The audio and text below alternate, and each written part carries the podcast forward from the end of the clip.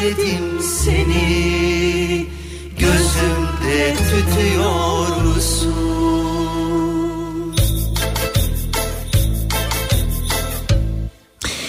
Türkiye'nin en kafa radyosundan, kafa radyodan hepinize günaydın. Yeni günün sabahındayız. Yeni haftanın başındayız. Hatta yeni bir ayın başındayız da diyebiliriz. Tarih 2 Kasım. 2 Kasım pazartesi gününün sabahında epey soğuk geçtiğimiz haftaya göre epey soğuk bir İstanbul sabahından sesleniyoruz.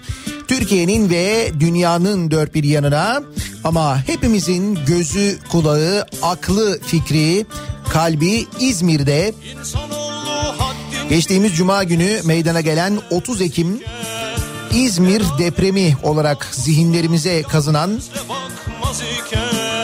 deprem sonrasında yaşananlar olan biten hepimizin aklında İzmir var. Hepimiz İzmir'i takip ediyoruz ne olup bittiğini. An itibariyle hayatını kaybeden sayısı maalesef 79'a ulaştı. Ama üzerinden 58 saat geçtikten sonra bile dün gece yarısından sonra bir e, kız çocuğu canlı olarak kurtarıldı. Dün e, enkazda bulundu. Zannediyorum Emrah apartmanıydı. O apartmanda 58 saat geçtikten sonra depremin üzerinden İdil e, ismi genç kızın İdil'i kurtardılar kurtarma ekipleri. Hala umut var. Hala o umutla kurtarma ekipleri canla başla çalışmaya devam ediyorlar. 58 saat geçmiş depremin üzerinden o vakitten bu vakite hiç uyumadan, hiç dinlenmeden çalışmaya devam eden kurtarma ekipleri var. Farklı farklı ekipler bunlar. İçin içinde Akut da var, belediye kurtarma ekipleri de var, itfaiye de var, jandarma da var, gönüllüler de var. Ama hiç durmadan çalışılmaya devam ediyor. Bakın üzerinden bu kadar saat geçmiş ki işte dediğim gibi 58 saat geçtikten sonra kurtarılan bir çocuk var. Şimdi üzerine koyun bir 5 saat daha 60 küsür saat geçmiş. Şu anda İzmir'den yansıyan e, canlı görüntüler var. Onları izliyorum. Hala orada İzmir'de Bayraklı'da çalışmaya devam ediyor gönüllüler. Yıllardır sürüp giden bir pay alma çabası Topu topu bir dilim kuru ekmek kavgası Bazen durur bakarım bu ibret tablosuna? Kimi tatlı peşinde kimininse tuzu yok. Bazen durur bakarım bu ibret tablosuna. Kimi tatlı peşinde kimininse tuzu yok. Buyurun dostlar buyurun. Halil İbrahim sofrasına. Buyurun dostlar buyurun Halil İbrahim sofrasına Alnı açık gözü toplar Buyursunlar baş köşeye. Kula kulluk edenlerse ömür boyu taş döşeye. Nefsine hakim olursan kurulursun tahtına. Çala kaşık saldırırsan ne çıkarsa baktığına Halat gibi bileğiyle yayla gibi yüreğiyle. Çoluk çocuk geçindirip haram nedir bilmeyenler. Buyurun siz de buyurun Buyurun dostlar buyurun. Barış der her bir yanı altın gümüş taş olsa Dal kavuklar etrafında Sapa kulba kapa itibar etme dostum. İçi boş tencerenin bu sofrada yeri yok. Sapa kulba kapa itibar etme dostum. İçi boş tencerenin bu sofrada yeri yok Para pula ihtişama Elbette bu sabah İzmir konuşacağız ve İzmir'den son gelişmeler, İzmir'de yaşananlar, deprem sonrası e, gelişmeler bunlarla ilgili konuşacağız. E, ve İzmirlilere mümkün olduğunca bu sabah ses olmaya gayret edeceğiz. İzmirlilerin daha ziyade bize ulaştırdığı mesajlar üzerine konuşacağız. Onları okuyacağız ilerleyen dakikalarda. Ama o vakte gelene kadar saat 8'i geçene kadar anlatacağımız, konuşacağımız çok konu var. Bugünün e, bir başka gelişmesi de tabii bir taraftan e, eğitimle alakalı yüz yüze eğitimde başlayan 3. aşama. E, bugün okullarda yüz yüze eğitimde 3. aşamaya geçiliyor. Ortaokul 5 ve lise 9. sınıf öğrencileri de bugünden itibaren yüz yüze eğitime başlayacaklar. E, geçtiğimiz günlerde alınan bir karardı. O karar kapsamında bugün bu aşama da başlıyor. İzmir'de bir hafta süreyle eğitime ara verildiği İzmir genelinde böyle bir karar aldı Milli Eğitim Bakanlığı. Kaldı ki bir yandan tabii gündemimiz şu anda deprem olduğu için belki unuttuk ama pandemiyle e, mücadele bir taraftan devam ediyor ve maalesef durum gerçekten çok kötü. Dünyanın birçok ülkesinde özellikle Avrupa ülkelerinde e, yeniden kapama kararları, yeniden karantina kararları uygulanmaya başlandı. E, bu haftadan itibaren Fransa'da bir genel karantina olacak mesela bir ay sürmesi bekleniyor. Aynı benzer bir karar İngiltere için alınıyor. Önümüzdeki günlerde yine uygulanacak. Almanya'da e, lokantalar, kafeler, e, işte bütün müzeler kapatıldı. Yine böyle kapama kararlarına e, gidiliyor çünkü vaka sayılarında çok büyük gerçekten ciddi bir artış var. Keza Türkiye'de de durum pek farklı değil aslına bakarsanız. Bizdeki vaka artışı da aynı hızda devam ediyor. Hoş biz Avrupa'daki gibi vaka sayılarını öğrenemiyoruz. Avrupa'da günlük 15 bin 20 bin rakamları açıklanırken bizde rakamlar 2000-2500 civarında. Bu demek değil ki 2500 kişi hastalanıyor. Hayır. Aslında pozitif teşhisi konulan sayısı çok daha fazla. Tıpkı Avrupa'daki gibi muhtemelen ona yakın rakamlar. Ancak biz o rakamları kamuoyu olarak öğrenemiyoruz. Bu da belki de bir rehavete sebep oluyor olabilir. Ama etrafımızda duyduğumuz e, pozitif çıkan vaka sayısının fazlalığından bile aslında biz kendi çevremizden bile öğrenebiliyoruz, anlıyoruz bunu.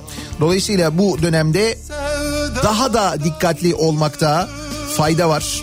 Daha da sosyal mesafeye dikkat etmekte, maske kuralına dikkat etmekte, mümkün olduğunca kalabalıklara girmemeye özen göstermeye dikkat etmekte gerçekten çok fayda var. Çünkü durum e, giderek hava soğudukça insanlar kapalı mekanlarda olmaya başladıkça durum giderek daha da beter bir hal alıyor.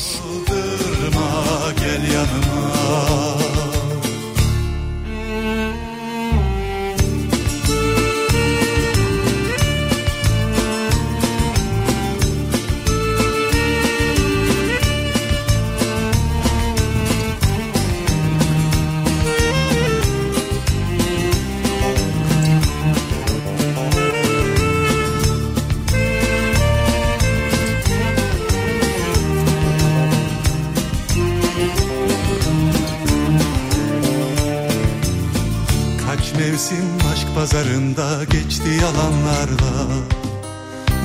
sattım aldanmışlara.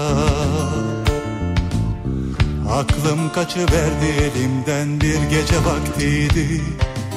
Sevdiğim başka, sevenim başka Depremin üzerinden yaklaşık 64 saat geçmiş. Cuma günü öğleden sonra 3'e doğru meydana gelen deprem. Sadece e, İzmir'de değil Ege bölgesinin tamamında hatta Marmara bölgesinde hissedildi. Hatta konuşacağız ilerleyen dakikalarda. Mesela Marmara bölgesinde işte İstanbul'da Avcılar'da örneğin bir binanın yağmur yağ zarar gördüğünü, sıvalarının döküldüğünü biz tam o deprem saatlerinde depremin hemen sonrasındaki ilk saatlerde öğrendik. Depremin hemen sonrasında biz e, Kafa Radyo'da yayına başladık. E, Güçlü Mete ve Candaş Tolga Işık'la birlikte normal yayın e, akışımızı e, değiştirdik tamamen. İşte basında gazetede de, gazeteyi yıkmak derler buna. Yani gazetenin baskısının tamamen değiştirilmesi böyle bir olağanüstü gelişme sonrasında biz de radyoyu yıktık diyebiliriz aslında radyo yayınını. Ve e, özel bir yayına başladık. O yayın e, yaklaşık 4,5 saat 5 saat kadar sürdü. E, ilk anın telaşı ve insanların e, sokakta olduğu saatler bu saatler e, çok önemli saatler ve insanların bilgiye ulaşma konusunda gerçekten ciddi sıkıntı yaşadığı saatler. İşte orada e, ben zaman zaman katıldığım söyleşilerde falan da anlatıyorum hani radyonun e, önemiyle ilgili radyonun nasıl bir mecra olduğu ile ilgili konuşurken e, radyonun özellikle böyle durumlarda ne kadar mühim olduğunu ne kadar önemli olduğunu anlatıyorum. Onu bir kez daha yaşadık biz ki daha önce e, on- e, 17 Ağustos depreminde de yaşamıştık. Düzce depreminde de yaşamıştık. E, Van depreminde de oldu mesela aynısı. E, ilk anda o e, telaş sırasında hem e, toplumu yönlendirmek hem de doğru bilgi verebilmek ve gelen bilgileri ya da gelen uyarıları doğru aktarabilmek adına gerçekten çok önemli radyo. Biz onu yapmaya gayret ettik. Radyonun bir amacı da bu aslına bakarsanız kaldı ki böyle bir yayıncılık sorumluluğu da var. Geçtim yayıncılığı. Aslında insani olarak böyle bir sorumluluk var aslında. İşte biz onu yerine getirmeye çalıştık. Cuma günü depremin hemen sonrasında bir özel yayına başladık. Bu yayına yetkili olanları e, ve bilgili olanları e, bağladık. E, Birçok e, önemli isim e, İzmir'den bağlandılar. İzmir'deki son durumu Orada olanlar, orada yaşayanlar anlattılar. Başta İzmir Büyükşehir Belediye Başkanı Tunç Soyer olmak üzere İzmir'den mesela birçok bağlantımız oldu. Konunun uzmanlarını e, konuk aldık. Örneğin Miktat Kadıoğlu konuk oldu programa. Miktat Hoca bir afet uzmanı. Dolayısıyla aslında sonrasında yani afet yaşandıktan sonra ki işte bir afet yaşadık deprem. Deprem yaşandıktan sonra neler yapılması gerektiğini, nasıl hareket edilmesi gerektiğini en e, doğru bilen insanlardan bir tanesi. Tabii o diyor ki aslında bizim yapmamız gereken öncesinde önlem almak ve bu afetin yaşanmasının önüne geçmek. Ama onu bir türlü beceremiyoruz, yapamıyoruz millet olarak dedi. Gerçekten yapamıyoruz. Bakın 1999'un üzerinden ne kadar zaman geçmiş ki arada yaşadığımız birçok deprem var. Ona rağmen hala aynı şeyleri konuşuyoruz ki birazdan konuşacağız. Hala aynı şeyleri işte zeminin kötülüğünü, o zemin üstüne yapılan binanın neden e, işte yıkılmadığını, neden yenisinin yapılmadığını, e, bunun yanında eksik yapılaşmayı, çürük yapılaşmayı, o bina yapılırken kullanılan kötü malzemeyi hala bunları konuşuyoruz. Üzerinden kaç yıl geçmiş 99 depreminin. Konuştuğumuz şeylerde pek bir değişiklik yok. İşte biz mesela Miktat Hoca ile onu konuştuk.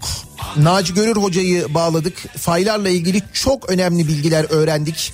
O fayların başka faylara yani İzmir'in çevresindeki başka faylara e, bu depremin güç yükleyebileceğini oraya enerji aktarımı yapabileceğini öğrendik. Nitekim Naci Hoca bu açıklamayı yaptıktan herhalde böyle bir 15-20 dakika sonra falan Aydın'da e, bir deprem meydana geldi. 5.1 büyüklüğünde ki o bir artçı değildi başka bir depremdi. Ayrı fayda meydana gelen bir depremdi. Aydınlılar onu çok ciddi hissettiler. Arada kaynadı gitti o.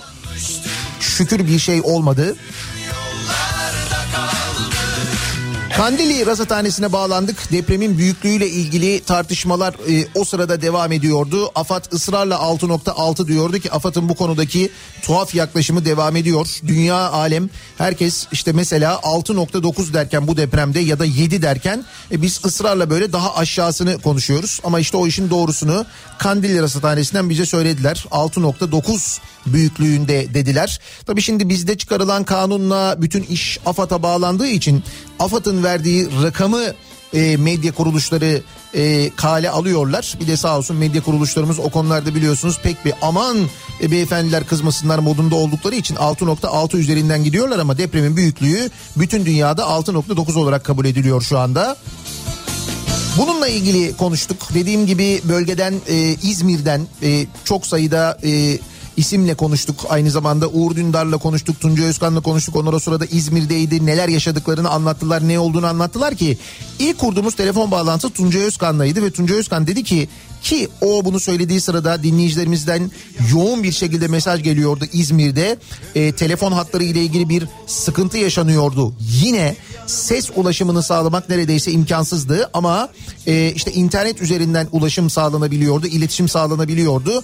Dinleyicilerimizden gelen mesajlarda da Tuncay Özkan'ın açıklamalarında da anlıyorduk ki insanlar panik halinde yollara çıkmış ve bütün İzmir trafiği kilitlenmiş vaziyetteydi. Bakın e, çok enteresan bir durumdur ve aslına bakarsanız e, bizim neler yaşayacağımıza dair gerçekten çok mühimdir. E, İzmir'de Bayraklı'da e, biz tabii sonrasında epey sonrasında o kaos karmaşa geçtikten sonra Bayraklı'da binaların yıkıldığını öğrendik. Yani İzmir'de sadece Bayraklı'da çünkü ilk e, yayına başladığımızda biz depremin hemen sonrasında işte birçok e, yerden mesajlar geliyordu ya da işte e, Alsancak'ta da bina yıkılmış, Bornova'da da yıkılmış, orada da yıkılmış, burada da yıkılmış falan deniyordu. Fakat saatler ilerledikçe vakit geçtikçe anlaşıldı ki e, yıkılan binalar Bayraklı'da. Sadece bir e, ilçesinde diyelim biz İzmir'in e, işte zemini en kötü olan e, ilçesi olduğunu da böylelikle bütün İzmirliler ve biz de öğrenmiş olduk ki bunu oraya bina yapanların oraya bina ruhsatı verenlerin de bilmesi lazım. E, Bayraklı'da meydana gelen bu hasar sonrasında yıkılan binalar sonrasında bütün İzmir kilitlendi.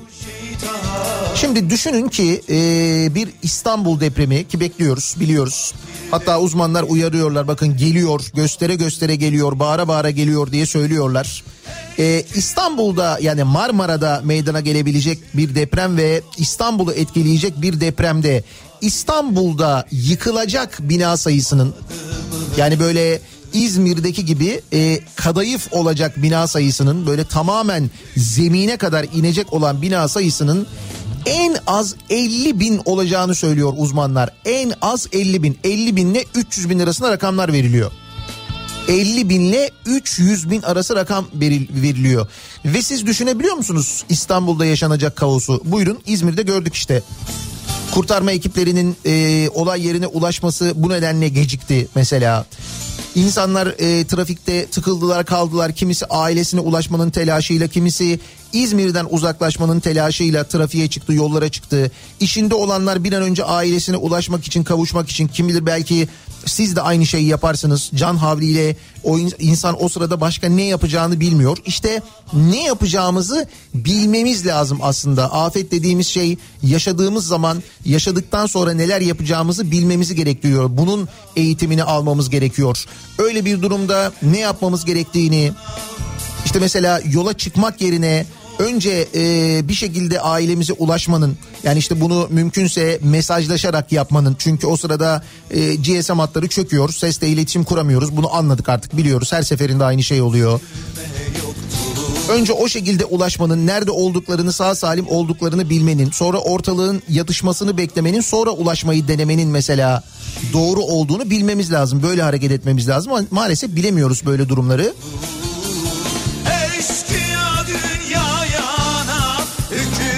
İşte biz tam da e, bütün bunların hepsini e, o akşam yayınında yani cuma akşamı yayınında deprem özel yayınında aktarmaya gayret ettik. Hangi güzergahların kapalı olduğunu, hangi yolların kapalı olduğunu, nasıl hareket edilmesi gerektiğini, e, yardım araçlarına, ilk yardım araçlarına, kurtarma ekiplerine yol verilmesi gerektiğini bunları anlattık radyodan. Yapmamız gerekeni yaptık açıkçası onu söyleyebilirim. Kafa Radyo'da biz e, cuma akşamı mümkün olduğunca elimizden geldiğince doğru bilgiler vermeye ve işe yarayacak bir yayın yapmaya gayret ettik. Umuyorum yapabilmişizdir. Peki sonrasında neler oldu? Neler öğrendik? Bu geride bıraktığımız günler boyunca e, bunları konuşacağız birazdan ama e, pazartesi sabahındayız e, ve nasıl bir sabahta acaba e, işe doğru gidiyoruz? Trafikle ilgili son duruma hemen bir bakalım göz atalım. Meğer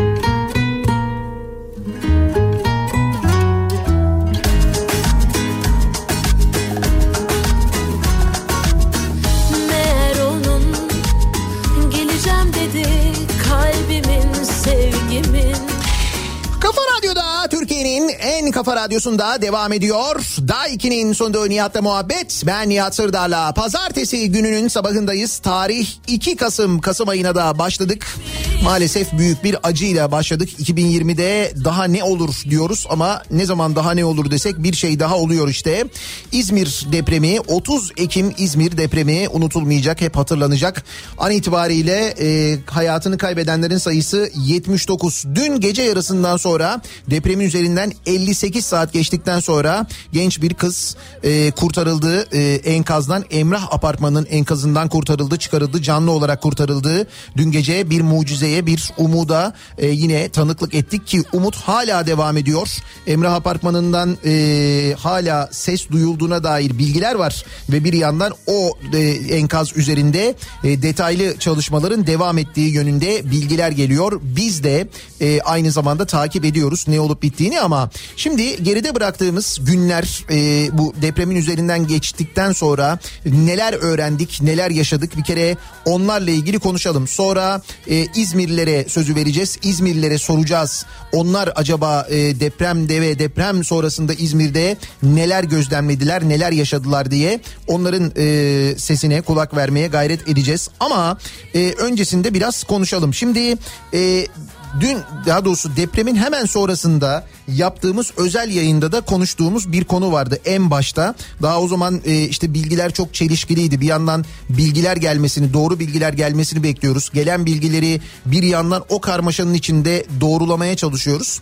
Bir yandan da depremle ilgili genel bilgiler verirken benim aklıma geldi. Dedim ki e, çok yakın bir zamanda e, Ahmet er, e, e, Ahmet Ercan doğru Ahmet Hoca bir e, uyarıda bulunmuştu sanki İzmir depremiyle ilgili dedim ve sonrasında hakikaten e, biraz araştırınca öğrendik. 12 gün önce yani 30 Ekim'den 12 gün önce e, deprem profesörü e, Ahmet Ercan 19 Ekim tarihinde e, Ege Denizi'nde yaşanan 4.3 büyüklüğündeki sarsıntı sonrası bölgede 7 şiddetinde deprem yaşanacağı ile ilgili bir uyarıda bulunmuş ve bir röportaj vermiş Sözcü gazetesine. Tam 12 gün önce bunu söylemiş. Yani böyle bir deprem olasılığından bahsetmiş. Deprem bilimci profesör Ahmet Ercan 19 Ekim'de Ege Denizi'nde meydana gelen 4.3 büyüklüğündeki depremin ardından Sözcü'ye bölgede büyük bir deprem beklendiğini açıklamış. Ercan Kuzey Anadolu kırığının Yunanistan uzantısı olan Kuzey Ege kırığında bir hareketlenme var. Bu Ege'de bir deprem yaratmak üzere hazırlandığını gösteriyor. Büyüklüğü 6.3 ile 7 arasında olur. Olası 7 büyüklüğündeki depremde Çanakkale, İzmir, Balıkesir, Edirne kıyı kesimleri etkilenir diyerek uyarılarda bulunmuş. Ve tam bu uyarıdan e, 10 gün sonra işte 12 gün sonra da 30 Ekim'de deprem meydana geliyor. Sisam depreminin ardından yani Sisam Adası açıklarında meydana gelen bizim Seferihisar depremi diye adlandırdığımız depremin ardından tekrar konuşuyor sözcüye. Ee, bir hafta önce verdiğim röportajda Sisam Adası çevresinde bu büyüklükte bir deprem olabileceğini söylemiştim. Bunun devamında bir hafta 10 gün içinde yine aynı bölgede 5.7 5.8 civarında yeni depremler olacak. Bu son deprem değil dolayısıyla İzmir ve çevresinde beklenen ve yıkıcılık değeri olan 6.4 şiddeti aşılmıştır. Kırsal kesimlerde yıkımlar beklenebilir demiş. Nitekim deprem sonrasında Kandilli Rasathanesi'nden de e, yaptığımız telefon bağlantısında Kandilli Rasathanesi müdürüyle konuşurken bize e, dedi ki e, artçı sarsıntılar devam edecek. Uzun süre devam edecek. E, işte Bodrum'daki depremi hatırlayın. Bodrum depremi sonrasında bir hafta içinde e, 10 binden fazla artçı sarsıntı meydana geldi demişti. An itibariyle de zannediyorum bine yaklaştı İzmir e, civarında meydana gelen artçı sarsıntıların sayısı ve bu artçı sarsıntılar işte 6.9 diyoruz ya depremin büyüklüğüne e, onun bir e, derece altına kadar yani 5.9'a kadar da ulaşabiliyor aynı zamanda bu e, artçı sarsıntılar. Dolayısıyla çok dikkatli olmak hakikaten hasarlı olan binalara e, şüphelendiğiniz bina, binalara girmemek gerekiyor. Bu konuda zaten yetkililer de uzmanlar da uyarıyorlar. En başından itibaren bunu söylüyoruz. Depremin olduğu günün gecesinde de biz uyarmıştık binalara e, hasarlı olduğunu düşündüğünüz binalara şüphelendiğiniz binalara sakın girmeyin diye. Tabii şimdi binalara girmeyip dışarıda insanlar sabahlamak durumunda kalınca ki hala dışarıda sabahlayanlar var. Evleri ağır hasar görmüş e, olanlar var. Belki bir sonraki artçı depremde yıkılma tehlikesi olanlar var. Şimdi o insanlar doğal olarak evlerine girmiyorlar. Onlar için oluşturulan e, işte çadırlar var şu anda bazı merkezlerde. Tabii bu çadırlarda barınanların doğal olarak bir takım ihtiyaçları var. Ve bu ihtiyaçlar konusunda İzmir gerçekten de müthiş bir dayanışma örneği gösteriyor. E, Sürekli İzmirli arkadaşlarımızla irtibat halindeyiz. Hani biz de burada yırtıyoruz kendimizi ne lazım işte ne gönderebiliriz ne olabilir diye ama bunu da belli bir organizasyon içinde yapmak gerekiyor gerçekten de. Aksi takdirde çok büyük kaos yaşanıyor ki daha önce yaşandı. Ee, gördük biz ee, 19 Ağustos sonrasında da yaşandı. Maalesef çok yakında Van'dan hatırlıyoruz. Van'da da yaşandı bu yardımların gönderilmesi ve yardımların orada dağıtılması ile ilgili bir kaos yaşanmaması adına mutlaka organizasyon yapan, yardım organizasyonu yapan kuruluşlar üzerinden yürümek ee, doğru ya da bizzat kendiniz gideceksiniz kendiniz e, alacaksınız yardımlarınızı. Neyse arabanızın bagajına koyacaksınız. Gideceksiniz işte çadır kentte kimler varsa çadır kentlere ulaşacaksınız. Orada ihtiyacı olan kimler varsa bizzat kendiniz dağıtacaksınız. Ya da bu yöntemi uygulamak gerekiyor. Ama dediğim gibi İzmir'de müthiş bir dayanışma örneği gösteriliyor. İzmirliler e, çok hassaslar bu konuda biliyoruz. Çok e, kısa sürede organize olduklarını çok net bir şekilde söyleyebiliriz. E, herkes işin bir ucundan tutuyor. Herkes yapabileceği her şeyi yapmaya gayret ediyor. E, tabii e, kurumların ve yetkililerin e, bu konudaki hızlı e, hareket edişini ve davranışını da ayrıca kutlamak gerekiyor. Yani hem deprem sonrasındaki hızlı müdahale ki bu müdahalenin hızıyla ilgili de tartışmalar var. Mesela bir video vardı bilmiyorum izleyebildiniz mi? Ee, Koray Aydın 19 Ağustos'un o dönemin Bayındırlık Bakanı hatırlarsanız. Hatta sonrasında da epey bir iddia ile gündeme gelmişti kendisi. Ee, bu deprem sonrasında yapılan işte binalarla ilgili bu binalara malzeme veren şirketlerden e, bazılarının işte ona ve ailesine ait olduğu ile ilgili iddialar hatırlayacaksınız Koray Aydın'ı. Şimdi Koray Aydın İyi Parti'de İyi Parti'nin yöneticisi İzmir'e gidiyor. İzmir'de bir enkazın yanından geçerken fark ediyor ki enkazın üzerinde bir yandan kurtarma çalışması yapılırken bir yandan da enkazın kenarından e, kepçelerle e, moloz alınmaya çalışılıyor. Bu duruma e, itiraz ediyor Koray Aydın. Çünkü hatırlayınız e, 17 Ağustos sonrasında en çok tartışılan konulardan bir tanesiydi bu. Yani bir binada kurtarma çalışması yapılırken nedir kurtarma çalışması? E, binada oluşan boşluklarda canlı var mı yok mu e, o tespit edilmeye çalışılıyor. Sesimi duyan var mı diye başlanıyor. Sonra daha hassas cihazlarla artık bugün teknoloji daha gelişti. E, o küçücük boşluklarda insanlar var çünkü orada yaşay- yaşama ihtimalleri var ve onlar aranıyor. Şimdi bir yandan onlar aranırken o küçücük boşluklarda o küçücük boşlukların e, yıkılmasına sebep olacak bir iş makinesi titreşiminin orada olması son derece yanlış. O zaman biz bu geçmiş deprem deneyimlerimizden durumun bu olduğunu biliyoruz zaten hepimiz. İşte bunu anlattı düşünün o dönemin yani 99'un Bayındırlık Bakanı dedi ki bak dedi günlerce konuşulmuştu oradaki AFAD yetkilisiyle ya da işte oradaki kurtarma ekibinin yetkilisiyle konuşuyor. Diyor ki bunu yapmayın diyor bu yanlış. Yani iş makinesini çalıştırmayın onun titreşimiyle içerideki o boşluklar da yıkılır. İnsanlar varsa hayatta olan insan hayatını kaybeder. Bakın o zaman diyor günlerce konuşuldu tartışıldı beni diyor e, dur bakayım ne diyor tam kelimeyi hatırlamıyorum ama işte beni günlerce eleştirmişlerdi anlamında bir şey söylüyor. O zaman çok tartışıldı bu diyor.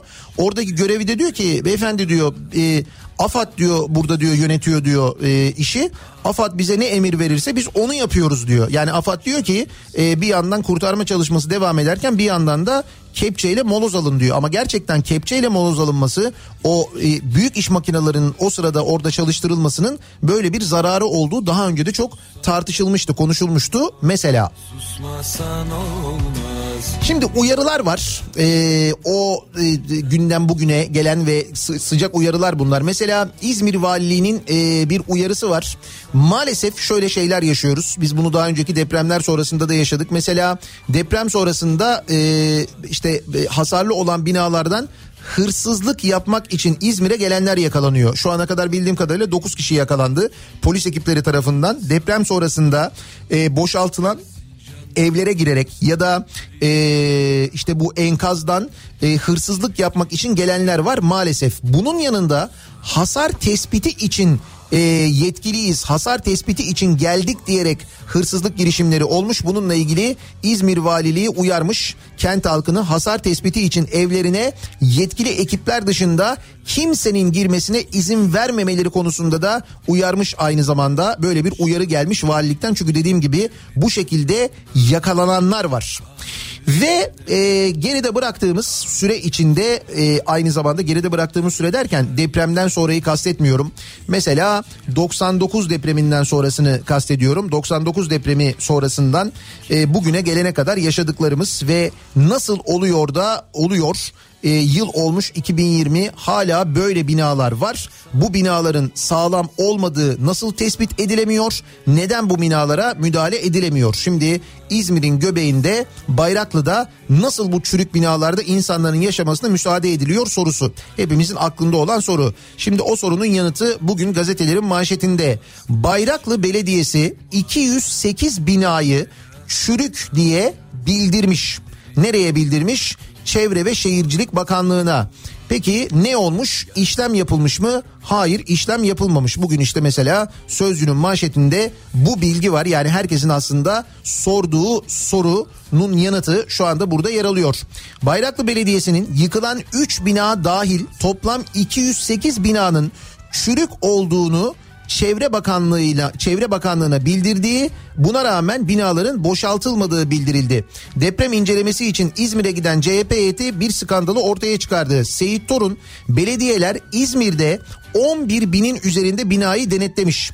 Bayraklı Belediyesi yıkılan 3 bina dahil Bayraklı'da 208 çürük bina tespit edip Çevre Bakanlığı'na bildirmiş. Neden gereği yapılmamış diye soruyor. Bunun sorumlusu kim diye soruyor. Şimdi e, Çevre ve Şehircilik Bakanı'nın da dün e, konuyla ilgili bir canlı yayında verdiği yanıt vardı. Hayır öyle bir bilgi bize ulaşmadı. Bu binaların çürük olduğu ile ilgili bize gelen bir bilgi yok dedi. Fakat e, şimdi bu iddia üzerine tabii Rıza Bey apartmanı mesela ismi çok geçen apartman Rıza Bey apartmanı ile ilgili rapor da var sevgili dinleyiciler. Bayraklı Belediyesi Deprem Etüt Merkezi ve Yapı Laboratuvarı'nın bina deprem riski değerlendirme raporunda Rıza Bey apartmanı ile alakalı binanın yapılan incelemelere göre hasar görmesi ihtimalinin olduğu 2007 deprem yönetmeliğine göre performans analizinin yaptırılması gerekli olduğu kanaatine varılmıştır denilmiş.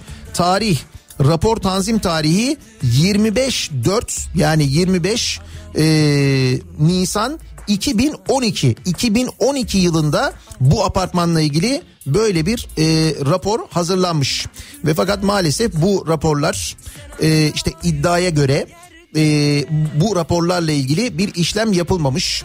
Şimdi işte maalesef bu İzmir'le ilgili böyle bir durum var. Yani İzmir'e karşı işte hükümetin takındığı tavrı tutumu, İzmir'e yapılacak olan yatırımlarla ilgili ya da İzmir'de yapılacak olan işlerle ilgili nasıl e, konunun böyle savsaklandığını diyelim biz e, hepimiz biliyoruz. İzmirliler çok daha iyi biliyorlar da şimdi biz mesela onu İstanbul'da yaşıyoruz. İzmirlilerin yıllardır yaşadığını son belediye seçimlerinden sonra İstanbul Belediyesi CHP'ye geçtikten sonra biz de İstanbul'da görmeye başladık. E, Ankaralılar benzer şeyler yaşıyorlar. İşte misal Ankara'ya alınması gereken e, belediye otobüsleri var. Bu belediye otobüslerinin kredisi bulunmuş ama Hazine ve Maliye Bakanlığı neredeyse 6 aydır imzalamadığı için o kredi gelmiyor ve o otobüsler alınamıyor. Geçen Ankara Büyükşehir Belediye Başkanı Mansur Yavaş anlatıyordu işte.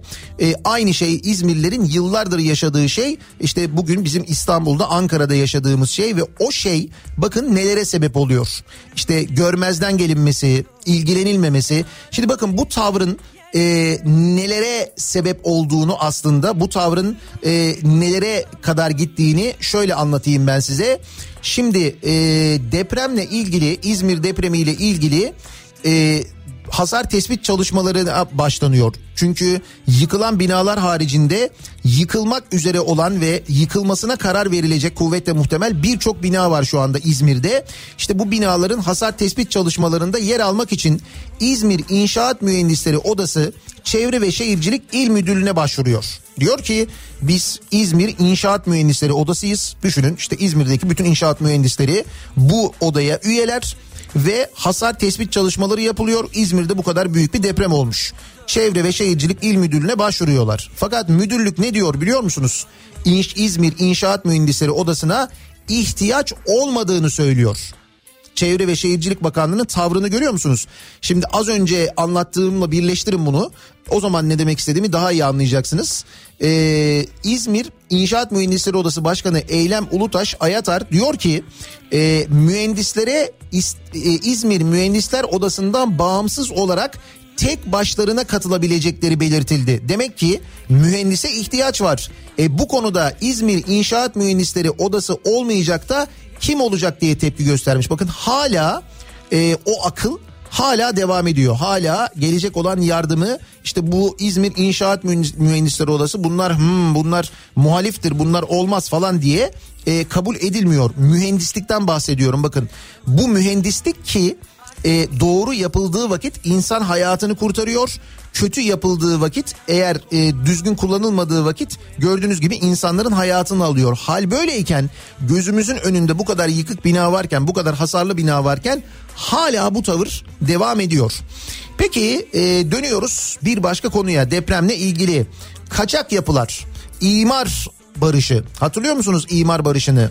Şimdi imar barışında 811 bin kaçak yapının yasal hale geldiğini biliyor musunuz? Sayı bu. Türkiye genelinde 811 bin kaçak yapı imar barışıyla yasal hale geldi. Bu kaçak yapılar e, aynı zamanda yapımında eksik malzeme kullanılan yapılar. E, muhtemelen eksik malzeme kullanıldığı için mühendislik konusunda hataları olduğu için ruhsatlandırılmamış izin verilmemiş yapılar. İşte bunların hepsini biz yasal hale getirdik. Şimdi 2018 yılındaki imar barışına rekor düzeyde başvuru olmuş. Ee, İzmir'de de aynı zamanda e, İzmir'de yapılan toplam başvuru sayısı 811.453 nüfusa oranlandığında Türkiye'nin en yüksek kaçak yapı başvurusu yapılan kenti olmuş İzmir. 811 bin yapı İzmir'de imar barışıyla yasal hale gelmiş. Ruhsatsız yapı stoğu da çok büyük İzmir'de. Kentsel dönüşümün bir türlü tamamlanamadığı İzmir'de yapıların önemli bölümü hayati risk taşıyor ve 2018 yılında Çevre ve Şehircilik Bakanlığı'nın uygulamaya koyduğu ve 31 Aralık 2017 tarihinden önce yapılan ruhsatsız yapıları yasal hale getiren imar barışında nüfusu oranlandığında en çok başvuru da İzmir'de gerçekleşmiş. En yoğun olduğu başvurunun ilçe %15.9'la Bornova olmuş. Buca %10.9'da ikinci, Karabağlar %7.8 ile üçüncü sırada yer almış. Ee, sonra başvuruların %4.3'ü yani yaklaşık 34 bin başvuru depremin en ağır hasar verdiği Bayraklı ilçesinde gerçekleşmiş. İşte bu e, imar barışında İzmir'deki manzara bu. Peki imar barışından elde edilen çok ama çok büyük bir gelir var. Bu gelir e, ne oldu sizce? Yani buradan elde edilen gelir ne oldu? Mesela imar barışı ile elde edilen gelirle e, örneğin kentsel dönüşüm finanse edildi mi? Buraya bir kaynak aktarıldı mı? Onu geçtim ben. Hani bu e, imar barışında elde edilen para zaten imar barışının yapılmasının sebebi bütçede para kalmayışı oraya para aktarmak maksadıyla yapıldı ve aktarıldı. Ben onu geçtim. Mesela en basitini söylüyorum. Yurt dışına çıkarken bir harç ödüyoruz hala ödüyoruz. Ödemeye devam ediyoruz. Hatta iyice artırıldı o e, yurt dışı çıkış harcı. En son 50 liraydı değil mi? Uzun zamandan beri de çıkmayınca bu seyahatler olmayınca artık 50 liraydı. Mesela buradan e, alınan para toplu konut fonu diye alınıyor bizden. Yurt dışı çıkış harcı değildi. Toplu konut fonu diye e, alınıyor ve buradan alınan para TOKİ'ye aktarılıyor. Mesela buradan alınan para ne oldu? Buradan alınan para e, nereye aktarıldı sizce? Bakın daha deprem vergilerine gelmedim. 99'dan beri ödediğimiz deprem vergileri var. Onlara da geleceğiz. Daha o paralar da var aynı zamanda. Peki ne oldu? Nasıl önlem alındı? Ne yaptık önlem olarak?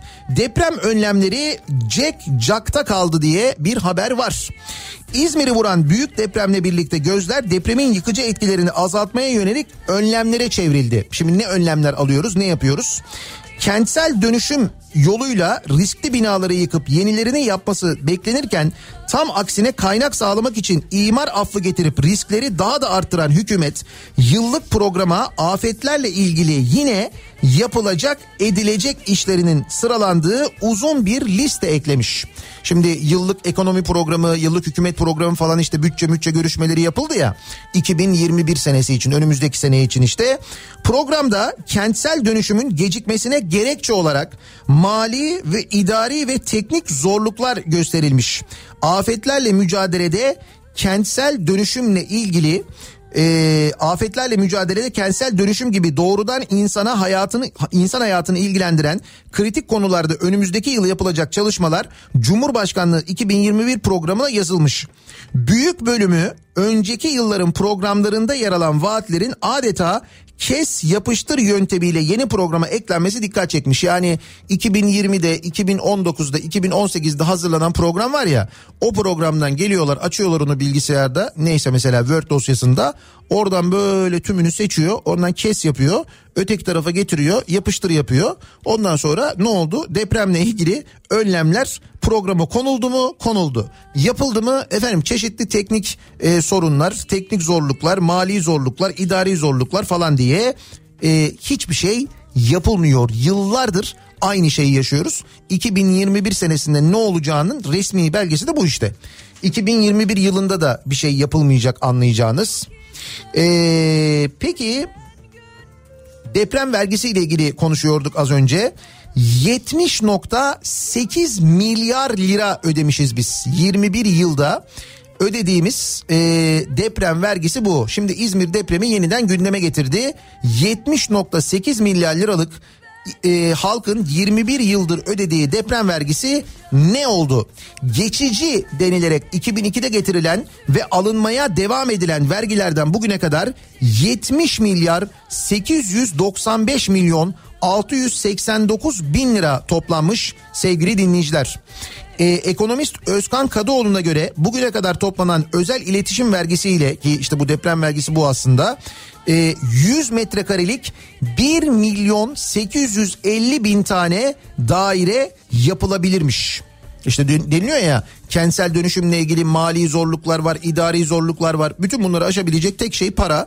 Para da var işte 70 milyar 895 milyon lira toplanmış bugüne kadar sadece deprem vergisi olarak. Bir de bu arada diğer ödediğimiz vergileri bütçeye aktardığımız kaynakları düşünün. Kaynak biziz biliyorsunuz. Yani oradan da ayrıca ödenebilir, oradan da aktarılabilir ama bu iş için toplanan para bu. Yani depremle ilgili toplanan para depreme hazırlık için binaların yıkılıp yeniden yapılması için afet alanları hazırlığı için toplanan para bu. İsmi bu yani bu, bu, bu maksatla konulmuş. İsmi bu olmayabilir de bu maksatla konulmuş ve bizim ödemeye devam ettiğimiz vergiyle bugüne kadar ödediğimiz para 70 milyar 895 milyon lira. Ve biz bunu sorduğumuzda şöyle gayri ciddi e, yanıtlar alıyoruz. Dönemin Maliye Bakanı Mehmet Şimşek hatırlarsanız mecliste yaptığı açıklamada deprem vergilerinin sağlık, eğitim ve duble yollar için harcandığını açıklamıştı. Bir önceki Maliye Bakanı Kemal Unakıtan da bu vergiler deprem için getirilmiş olsa alınır biterdi. Bütçenin ihtiyacı olduğu için toplandı. Milleti aldatmanın alemi yok demişti. Aldatılıyoruz yani. Bizzat zamanın Maliye Bakanı tarafından söylenmişti. Kemal Unak'tan bunu söylemişti. Sonra işte Mehmet Şimşek de bunu söyledi. Dedi ki o paralar toplanıyor ama dedi bu vergilerle dedi işte biz dedi sağlık e, ne bileyim ben işte eğitim duble yollar. İyi de biz bunlar için zaten vergi ödüyoruz. Sağlık için zaten vergi ödüyoruz. Sağlık için sigorta için ayrıca vergiler ödüyoruz. Eğitim için dünyanın parasını ödüyoruz ayrıca vergiler ödüyoruz. Sen bu vergilerden bunu karşılayacaksın. Bu vergiyi koymanın sebebi depremdi. Depremde zarar görenlerin ihtiyaçlarının giderilmesiydi. Alınacak deprem önlemleriyle ilgili hazırlıkların maliyetini karşılamak içindi. Bize o zaman böyle söylendi. Böyle denmedi mi? Böyle dendi. Peki ne oldu? İşte gördüğünüz işte İzmir'de yaşadığımız oldu. Ne oldu? Bakın ben çok basit bir hesap anlatayım mı size? Ee, işte geçtim 70 milyar çok büyük bir para gerçekten de. Bu paranın e, ne olduğunu bir kenara bırakalım. Çok daha böyle yeni bir şeyden bahsedeyim ben size. Kentsel dönüşümle ilgili konuşuyoruz değil mi? Kentsel dönüşüm Türkiye'nin son yıllardaki en büyük yalanlarından bir tanesi, en büyük rant araçlarından bir tanesi. Çünkü çok basit hep bunu söylüyorum, anlatıyorum. Ee, 17 Ağustos depreminden 99 depreminden sonra İstanbul'da yaşanan e, olayla ilgili yani İstanbul'da bundan sonra yaşanacak olan afetle ilgili beklenen büyük depremle ilgili çalışmalar yapılıyor. Hangi binaların çürük olduğu, hangi semtlerin daha riskli olduğu tespit ediliyor. Bu sırada o büyük depremden sonra Japonlar geliyorlar. Diyorlar ki biz size yardımcı olalım. Sizin kentinizle ilgili özellikle İstanbul'da nüfus çok büyük fazla riskle ilgili bir çalışma yapalım. Hay hay diyoruz buyurun gelin Japonları davet ediyoruz. Japonlar geliyorlar ve bir risk haritası hazırlıyorlar İstanbul için ve diyorlar ki kardeşim diyorlar bak İstanbul'da senin önce e, yapı stoğunu değiştirmen gereken işte sonra biz onun adına kentsel dönüşüm diyoruz. Yani yıkıp yeniden yapman gereken binaların olduğu semtler buralar. Diyorlar ki işte A semti, B, B semti, C semti. Önce buraları diyorlar yapacaksın. Çünkü buraların zemini aşırı riskli. Binaları da kontrol ettik. Binaların da durumu çok fena. Tamam mı diyorlar biz çok teşekkür ediyoruz Japonlara sağ olun var olun diyoruz. Japonlar gidiyorlar ondan sonra biz bir kentsel dönüşüm yasası hazırlıyoruz. İşte o yapı stoğunun değiştirilmesinin adını böyle değiştiriyoruz. Kentsel dönüşüm diyoruz. Şöyle olacak diyoruz böyle olacak diyoruz. İşte şu katılmazsa o olacak bu kadar kabul ge- gerek şey ger e, kabul olacak. İşte apartmandakilerin şu kadarı kabul ederse de yapılacak falan diye böyle bir takım yasalar çıkartıyoruz. Sonra Sonra ne oluyor? Sonra şu oluyor. Japonlar A semti, B semti, C semti demişti ya. Bizimkiler nereleri dönüştürüyorlar? D semti, E semti, F semti dönüştürülüyor. Öncelikle değiştirilmesi gereken semtler dönüştürülmüyor. Niye? Çünkü o öncelikle değiştirilmesi gereken semtlerde para yok, rant yok. Ötekilerde rant var. Önce onlar e, dönüştürülüyor. Dolayısıyla kentsel dönüşüm işi de tamamen aslında para kazanmaya yönelik tam bizim aklımıza tam böyle Türk hakkına göre uygulanıyor. Uygulanması gerektiği gibi uygulanmıyor ve biz bugün hala bunları yaşıyoruz. Daha acısını daha beterini yaşayacağız İstanbul'da. Hep beraber göreceğiz. Şimdi o kentsel dönüşümle ilgili bir şey anlatacağım size. Risk altındaki alanların dönüştürülmesi için kullanılacak özel hesap gelirlerinin yüzde 48'lik dilimi diğer harcama kalemlerine gitmiş. Şimdi bakın bu kentsel dönüşümle ilgili bütçeden ayrılan bir kuruma aktarılan paradan bahsediyoruz. Bakın şimdi riskli yapıların dönüştürülmesi amacıyla oluşturulan Çevre ve Şehircilik Bakanlığı dönüşüm projeleri özel hesabındaki mevzuata aykırılıklar Sayıştay raporunda yer alıyor. Yani Sayıştay'ın tespiti bu anlatacaklarım şimdi size ee, geçen yılki büyüklüğü 4.4 milyar lira olan özel hesaptan yani Çevre ve Şehircilik Bakanlığı dönüşüm projeleri özel hesabı diye bir hesap var. Bu hesapta 4.4 milyar lira var. Bu özel hesaptan yıl boyunca 1.8 milyar lira harcama yapılmış. Bu rakamın yüzde 48'lik dilimi diliminin harcamaları ne biliyor musunuz harcama kalemleri? Mahkeme, protokol gibi kalemlerden oluşan diğer giderler oluşturmuş. Tespitlere göre bakanlık tarafından taahhüt altına girilen yükümlülüklerin kayıtları sağlıklı tutulmaz, tutulmamış, takibi yapılmamış, belediyelerin yükümlülüklerini yerine getirip getirmediğinin kontrolü yapılmamış, bakanlık tarafından kentsel dönüşüm uygulamaları için belediyelere aktarılan kaynakların amacına uygun kullanılıp kullanılmadığı da denetlenmemiş aynı zamanda. Nasıl? Böyle bir hesap var. O hesapta 4.4 milyar lira para var. Bu paranın 1.8 milyar liralardan bahsediyorum ha. Böyle milyon falan değil. Milyardan bahsediyorum. Parayı görüyor musunuz? Ya bu şey hani katrilyon eski parayla katrilyondan bahsediyorum ben. 1 milyar lirayla ben hepsini geçtim. Bir, burada 1.8 milyar lira harcanmış. Geçtim onu. 1 milyar lirayla mesela e, sadece Bayraklı'daki hasarlı binalar yıkılıp yeniden yapılamaz mıydı? 1, 1 milyar lirayla diyorum. 1.8 milyar lira harcanmış ortada hiçbir şey yok.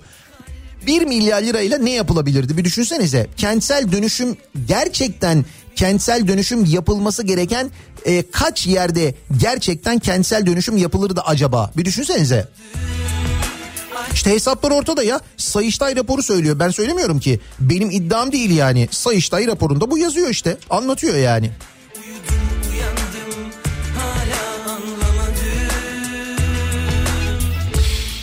Başında da söylediğim gibi bu sabah e, İzmirlilerin aslında biraz da neler yaşadığını öğrenelim istiyoruz. O nedenle deprem sonrasında İzmir'de neler olduğunu bu sabah İzmirlilere e, soruyoruz. Vaktimiz yettiğince, vaktimiz olduğunca bu sabah söz İzmirlilerde neler yaşadınız depremde ve sonrasında neler gördünüz, neler duydunuz diye soruyoruz. Bu sabah İzmirlilere konu başlığımızı da İzmir depreminde diye belirliyoruz. İzmir depreminde neler gördünüz, neler yaşadınız, neleri deneyimlediniz aynı zamanda. Belki bunlar önümüzdeki afetlerde, depremlerde e, işte bize bir kulağımıza küpe olur, belki bir işe yarar diye soruyoruz dinleyicilerimize.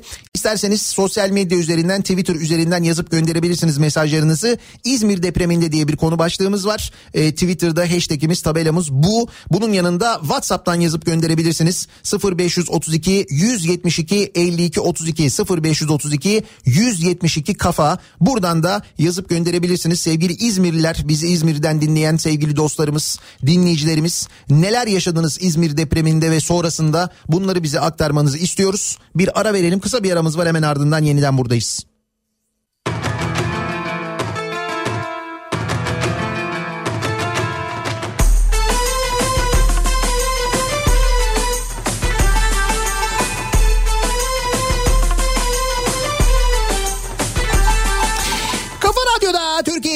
En kafa radyosunda devam ediyor. Daiki'nin sunduğu Nihat'la muhabbet. Ben Nihat Sırdar'la. Pazartesi gününün sabahındayız. Tarih 2 Kasım 8'i 2 dakika geçiyor saat.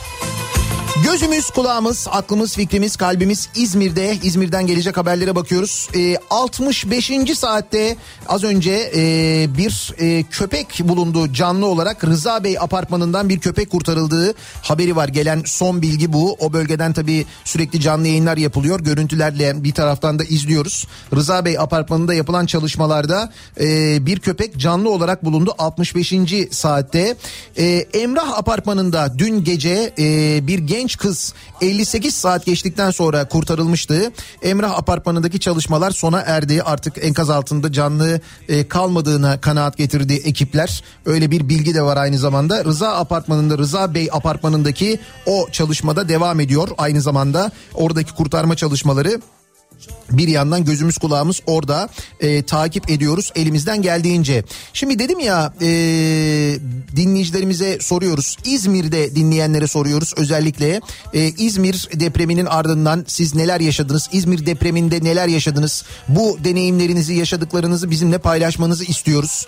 E, bu sabah sizin gönderdiğiniz mesajlara yer vermek İzmir'den gelecek olan mesajlara ses vermek istiyoruz. Mümkün olduğunca. O nedenle İzmirlilerden rica ediyoruz. Yazsınlar mesaj göndersinler bize diye. Bakın gelen bir mesaj var. Ee, çok erken saatte geldi aslında bu mesaj. Şimdi e, önemli bir ricada bulunmak için yazıyorum demiş dinleyicimiz. İzmir'de hayatını kaybeden TEOK birincisi Arda Baran Demir'le ilgili yalan yanlış haberler geziniyor. Şimdi medyamız e, böyle depremde işte hazin e, öyküler e, bulmayı ve bunları böyle abartmayı gerçekten çok seviyor.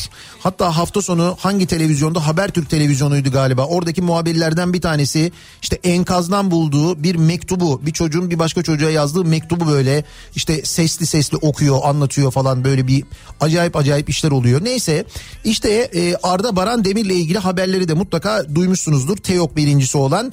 Evet e, diyor dinleyicimiz Tunceli'li bir aileyiz ve orada defnettik Arda'yı ama Arda ne çobandı ne de bir dağ köyünde yaşıyordu. Annesi babası üniversite mezunu İzmir'de yaşayan bir insandı. Annesi kuzenim İzmir'de pandemi hastanesinde hemşireydi. Sendika dışında haberi doğru veren yok. 17 yaşında Arda'mız gitti. Bize acısı yeter. Acımız yeterince haber değeri taşımıyor demek ki daha da trajik olsun istemişler. İyice abartmışlar durumu diye yazıyor. Arda'nın kuzeni yazıyor bunu gönderiyor. İşte aslında gerçek bu. E, maalesef bu haberlerden bile e, böyle kendilerine işte menfaat e, sağlamaya çalışanlar var. E, bu gelen mesajdan da bunu anlıyoruz. Şimdi e, bunun yanında e, tabii başka bilgiler baş, başka haberler de var aynı zamanda. Bir yandan ben onları da e, aktarmak isterim sizlere. Misal e, İzmir'de deprem olduktan hemen sonra e, birçok kurtarma ekibi e, Türkiye'nin dört bir yanından yola çıktı. İşte Ankara'dan, İstanbul'dan e, birçok bir kentten böyle yola çıkanlar oldu. Kurtarma ekipleri, jandarmanın kurtarma ekipleri, e, diğer işte AFAD ekipleri falan böyle askeri uçaklarla taşındılar. O oldu bu oldu falan filan ama bir grup vardı ki onlar gerçekten de e, duyar duymaz hepimizin e, böyle gerçekten de bir gözünün dolmasına sebep oldu. Şimdi ben aylardır burada anlatıyorum zaman zaman söylüyorum mücadelelerini anlatmaya gayret ediyorum. E, Somalı tazminat mağduru madenciler hatırlıyor musunuz Somalı madencileri? Hani sürekli Ankara'ya gitmeye çalışıyorlar ama önleri kesiliyor engelleniyorlar zaman zaman müdahaleye uğruyorlar falan hatırladınız değil mi onları? İşte o Somalı tazminat mağduru madenciler İzmir'e de çok yakınlar depremi haber alır almaz hemen İzmir'e gidiyor ediyorlar ve e, çalışmaya başlıyorlar. Kurtarma çalışmalarında e, bulunuyorlar. Yaklaşık iki gün boyunca e, burada e, çalışma yapıyorlar. İzmir deprem bölgesinde arama kurtarma çalışmalarında görev yapan 14 Somalı tazminat mağduru madencilerin arasında yer alan Bağımsız Maden İş Sendikası örgütlenme sorumlusu Başaran Aksu çalışmalar sırasındaki izlenimlerini aktarmış. Depremi duyduktan sonra direkt İzmir'e hareket ederek arama kurtarma çalışmalarına katıldık. Elimizden geldiği kadar aralıksız gece geç saatlere kadar çalıştık. AFAD ve İzmir Belediyesi yöneticileriyle görüştük. Çalışmalarımızdan ve desteklerimizden dolayı bize çok teşekkür ettiler.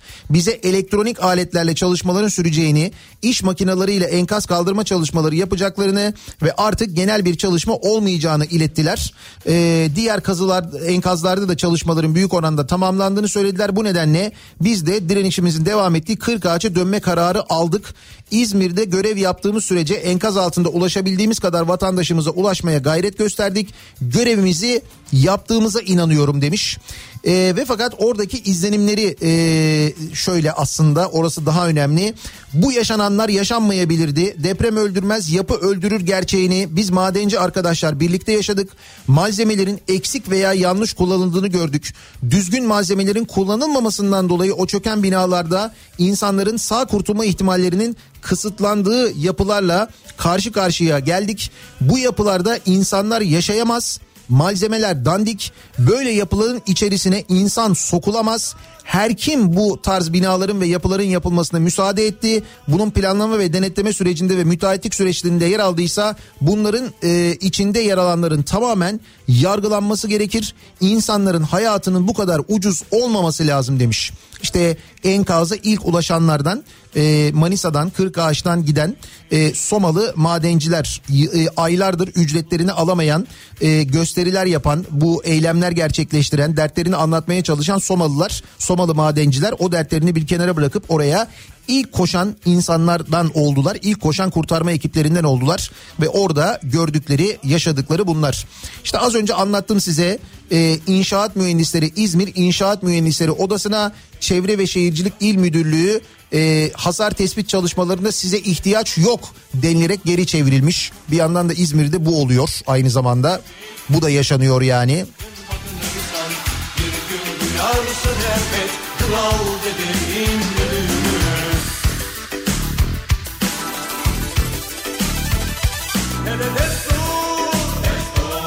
Bir bilgi daha var sevgili dinleyiciler. Ee, 3 yaşında Elif 65. saatte enkazdan e, kurtarıldı diye bir bilgi var. Bir haber geldi şimdi.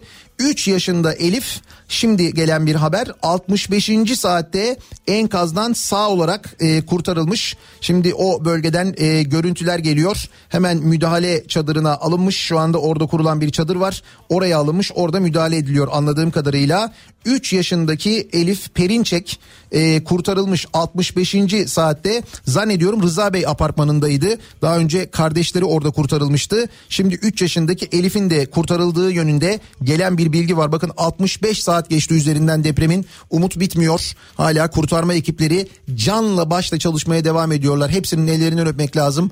E, uykusuz saatlerdir, günlerdir orada çalışan insanlar var. Yorgunluktan bitap düşmüş halde ama çalışıyorlar enkazların üstünde, o toprağın içinde e, aç susuz e, çalışıyorlar. Ben biliyorum e, gidiyorsunuz yemek veriyorsunuz. Ya kardeşim diyorsun şunu ye, şunu iç, bir dakika şunu yapmam lazım, bir dakika bunu yapmam lazım diye reddediyorlar. O yüzden böyle diyorum. Gerçekten de canla başla çalışıyorlar ve işte o çalışmanın e, bir sonucu 3 yaşındaki Elif Perinçek 65. saatte kurtarılmış. Bu da güzel bir haber şimdi e, gelen bir haber. Doğanlar Apartmanıymış düzeltiyorum. Doğanlar Apartmanı'nda e, kurtarılmış e, Elif Perinçek 3 yaşında e, enkazdan sağ olarak çıkarılmış. Şimdi onunla ilgili gelen bir bilgi var. İzmirlilerin e, yazdıklarına bir bakalım mı? E, acaba neler diyorlar İzmir'de bizi dinleyenler? Şimdi diyor ki bir İzmirli dinleyicimiz bu felakete 70'ten fazla can verdik veriyoruz. 79 şu anda rakam. Lakin hükümetin doğal afetlere hazırlıksızlığı ki konuyla ilgili toplanan onca vergilere rağmen hazırsızlık apaçık ortaya çıktı. İzmirlilerin gurur duyduğun dayanışma ve organizasyon becerisini de gördük diyor. Ali Turgut İzmir'den yazıyor. Arama kurtarma ekiplerinin insanüstü çabaları ortaya çıktı. Bu ekipleri oluşturan personelin hemen hepsi farklı alanlarda çalışan insanlar. Gerek özel gerek tüzel çalışan bu insanların ömür boyu bir ek gelir olarak arama kurtarma tazminatı almaları gerekir. Hak ediyorlar sonuna kadar diyor. Ama işte bu insanların birçoğu bunu gönüllü olarak yapıyorlar aslında ve gerçekten de ne kadar önemli olduğunu e, bu insanların arama kurtarma çalışmalarına katılan, eğitim almış bu konuda hazırlıklı olan insanların ne kadar kıymetli insanlar olduğunu bu depremde bir kez daha gördük. Ee, şimdi diyor ki bir dinleyicimiz Size gönderdiğim fotoğraf babamların apartmanında farklı bir daireye ait. Fotoğrafta görünen kiriş kırılması olduğu. Ee, ben inşaat mühendisiyim ve bu resmi hangi meslektaşıma göstersem aynı teşhisi yaptı. Orta hasarlı bina olarak raporlanması gereken Çevre Bakanlığı'ndan gelen yetkililer oturulabilir olarak raporladı. Ayrıca apartmanda daire sahiplerinin bir kısmı bu konuyla ilgili itiraz edenlere yetkililere neden güvenmiyorsunuz? Onlar iyi biliyorlar şeklinde itiraz ediyorlar ve başka bir heyetin incelemesine engel oluyorlar. Bunun sebebi ise binanın yıkılıp yapılma sürecinde daire sahiplerinin de kiraya çıkacak olması ve binanın yeni yönetmeliklerden kaynaklı kat sayısının azalma ihtimali ve bunun sonucunda daire sayısını yakalayabilmek için dairelerinin küçülecek olması.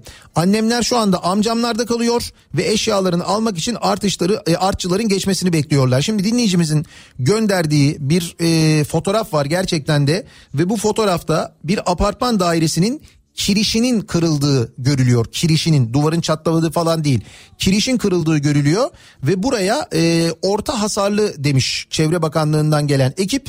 O yüzden insanlar oturmaya devam ediyorlarmış. Şimdi işte bu yeni yani İzmir'de meydana gelen bu depremden sonra yaşanan hadise bu.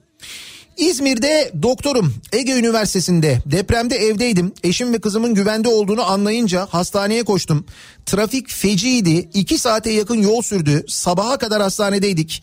Ameliyatlar, yatışlar elimizden geleni yapmaya çalıştık. En kötüsü trafikti ama bunu mutlaka çözmek lazım diyor. İzmir'den doktor bir dinleyicimiz göndermiş. Gerçekten de bizim e, cuma akşamı yani depremden sonra yaptığımız yayında e, ki işte bir 4-4,5 saat kadar 5 saat kadar yayındaydık En büyük sıkıntı oydu. İzmir kilitlenmiş vaziyetteydi. Bir yerden bir yere ulaşmak mümkün değildi. Ne doktor işte dinlediğiniz gibi hastaneye gidebiliyor, ne insanlar yakınlarının yanına gidebiliyor, ne kurtarma ekipleri olay yerine ulaşabiliyordu. Maalesef depremin üzerinden 2 saat geçtikten sonra bile e, profesyonel kurtarma ekipleri e, enkazın olduğu yere e, ulaşamıyorlardı. Öyle bir manzara yaşanıyordu. Gerçekten de bu afet anında nasıl davranılması gerektiği ile ilgili insanlara çok ciddi manada bir eğitim vermek gerekiyor. Bir kez daha tekrar edelim son gelişmeyi. Doğanlar Apartmanı'nda 3 yaşındaki Elif Perinçek kurtarıldı. 65. saat sevgili dinleyiciler depremin üzerinden 65 saat geçti ve Doğanlar Apartmanı'ndan gelen güzel bir haber var. 3 yaşındaki Elif Perinçek e, sağ olarak kurtarıldı. Şimdi ambulansa bindiriliyor. Az önce ilk müdahaleler yapıldı. Şimdi ambulansa bindiriliyor ve hastaneye götürülüyor. Umuyoruz sağlığına da kavuşur. 3 yaşında Elif Perinçek Doğanlar Apartmanı'ndaki enkazdan az önce sağ çıkarıldı. Böyle bir bilgi de geldi aynı zamanda. Ee, İzmir'de deprem olduğu sırada herkes dışarıya kaçarken biz filmini çektiğimiz hastayı makineden çıkartmak için çekim odasına koştuk. Kendimizi tehlikeye atma pahasına da olsa o hastayı korumak, onu oradan çıkarmak önemliydi bizim için. Ortada kendi canımız varken biz saniye düşünmemişken sırf ceplerine 3-5 kuruş fazla girecek diye nasıl o kadar cana kıyabiliyorlar anlamıyorum. Anlamak da istemiyorum diyor yine bir sağlık çalışanı dinleyicimiz göndermiş. Eee... Bayraklı semtinde oturuyorum. Kızılay Kan Merkezi'nin yanında yıkılan binanın karşısında karşısında bir meşhur pastane var. Onu sizin aracılığınızla kınamak isterim. İnsanlar canıyla uğraşırken akşam soğukta insanlara 5 liraya orada çay sattılar e, diyor mesela bir dinleyicimiz. Herkes o kadar iyi niyetli değil. E dün görmüşsünüzdür, izlemişsinizdir. Depremzedeler için getirilen e, ve dağıtılan e, ayranlardı galiba onlar. O ayranları e, gidip alan kendi dükkanında satmaya çalışan birini yakaladılar biliyorsunuz. E, ve video ile çektiler. Sonra evinde e, yakalanmış gözaltına da alınmış polis de almış e, götürmüş onu ama neticede böyle insanlar var. Yani sonrasında bu şekilde davranan insanlar var ve gerçekten de işte bu mesela bir büfe mi orası bakkal dükkanı mı neyse işte böyle bir yer gidiyor e, depremzedeler için getirilen ayranları alıyor kendi dükkanına götürüyor satıyor ve yakalanıyor. Şimdi bu bunun bu versiyonu bunun müteahhit versiyonu var müteahhit versiyonu da o binayı yapan işte. Yani o binayı yaparken bile bile o malzemeyi çalan, o binayı çürük yaptığını bildiği halde yapan ikisinin arasında bir fark yok. Tek fark birinin e, işte o büfeci olması, birinin müteahhit olması. Aynı şey var. Aynı e, nasıl diyeyim ben? Aynı ne var? Aslında kansızlık var. Aynı kansızlık var. Aynı vicdansızlık var. Yaşanan şey bu. Ve maalesef bu tiplerden çok var. Her yerde var. Büfede de var müteahhit de var. İşte ne bileyim ben e, başka mesleği yapanı da var. Bunun siyasetçisi de var idarecisi de var devlet görevlisi de var. Var bunlar yani. Ve maalesef çoklar.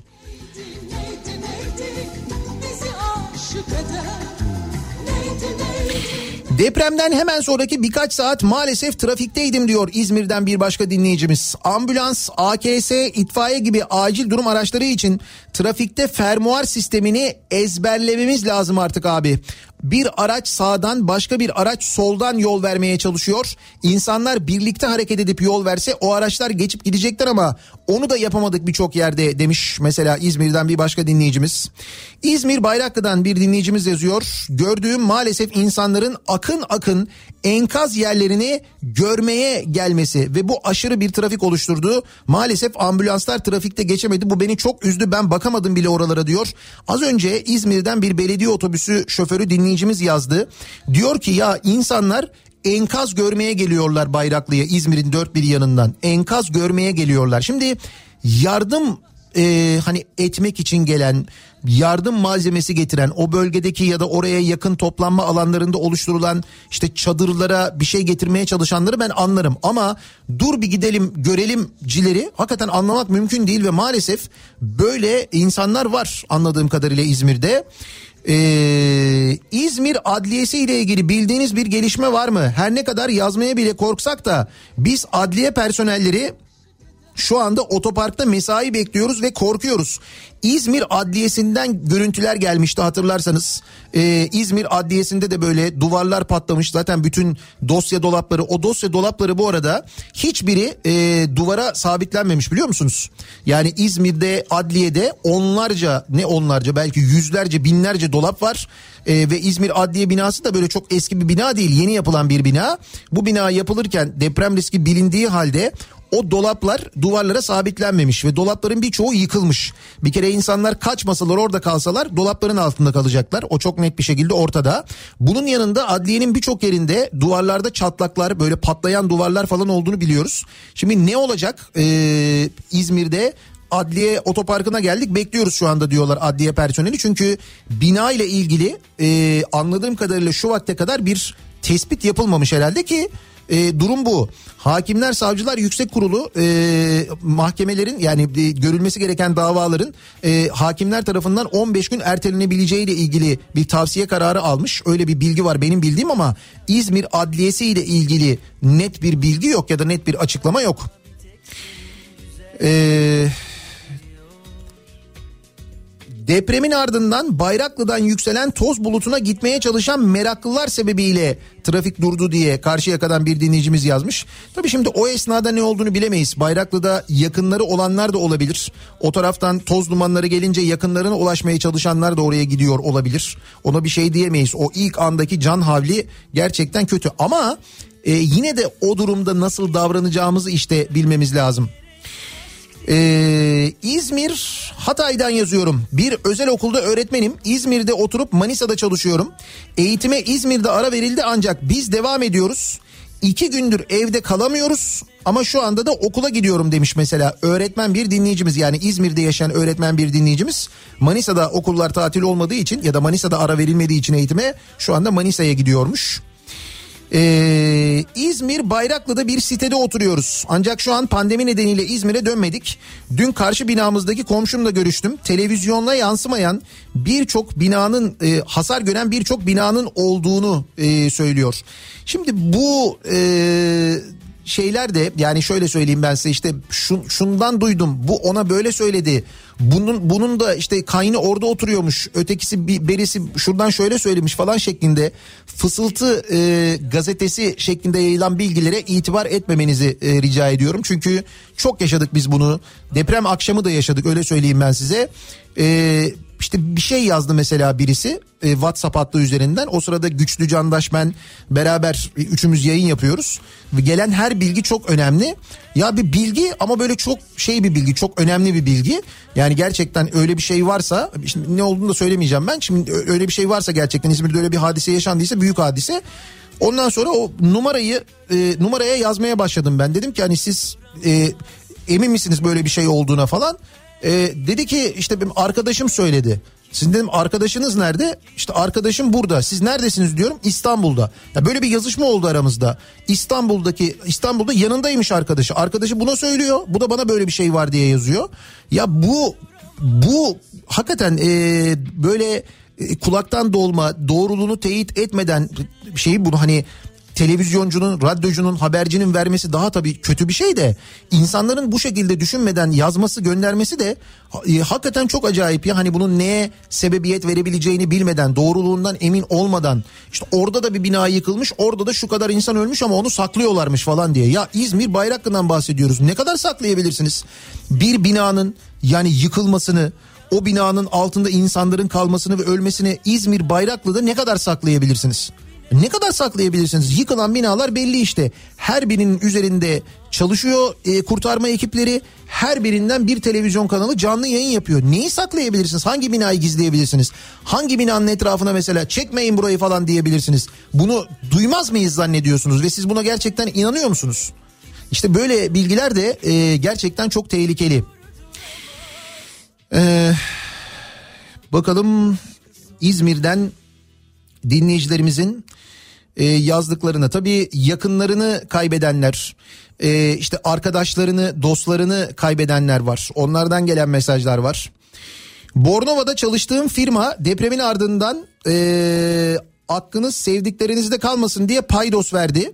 Bornova'dan evime giderken Çiğli e, tarafına normalde 45-50 dakika süren yol 2 saat sürdü trafikten dolayı.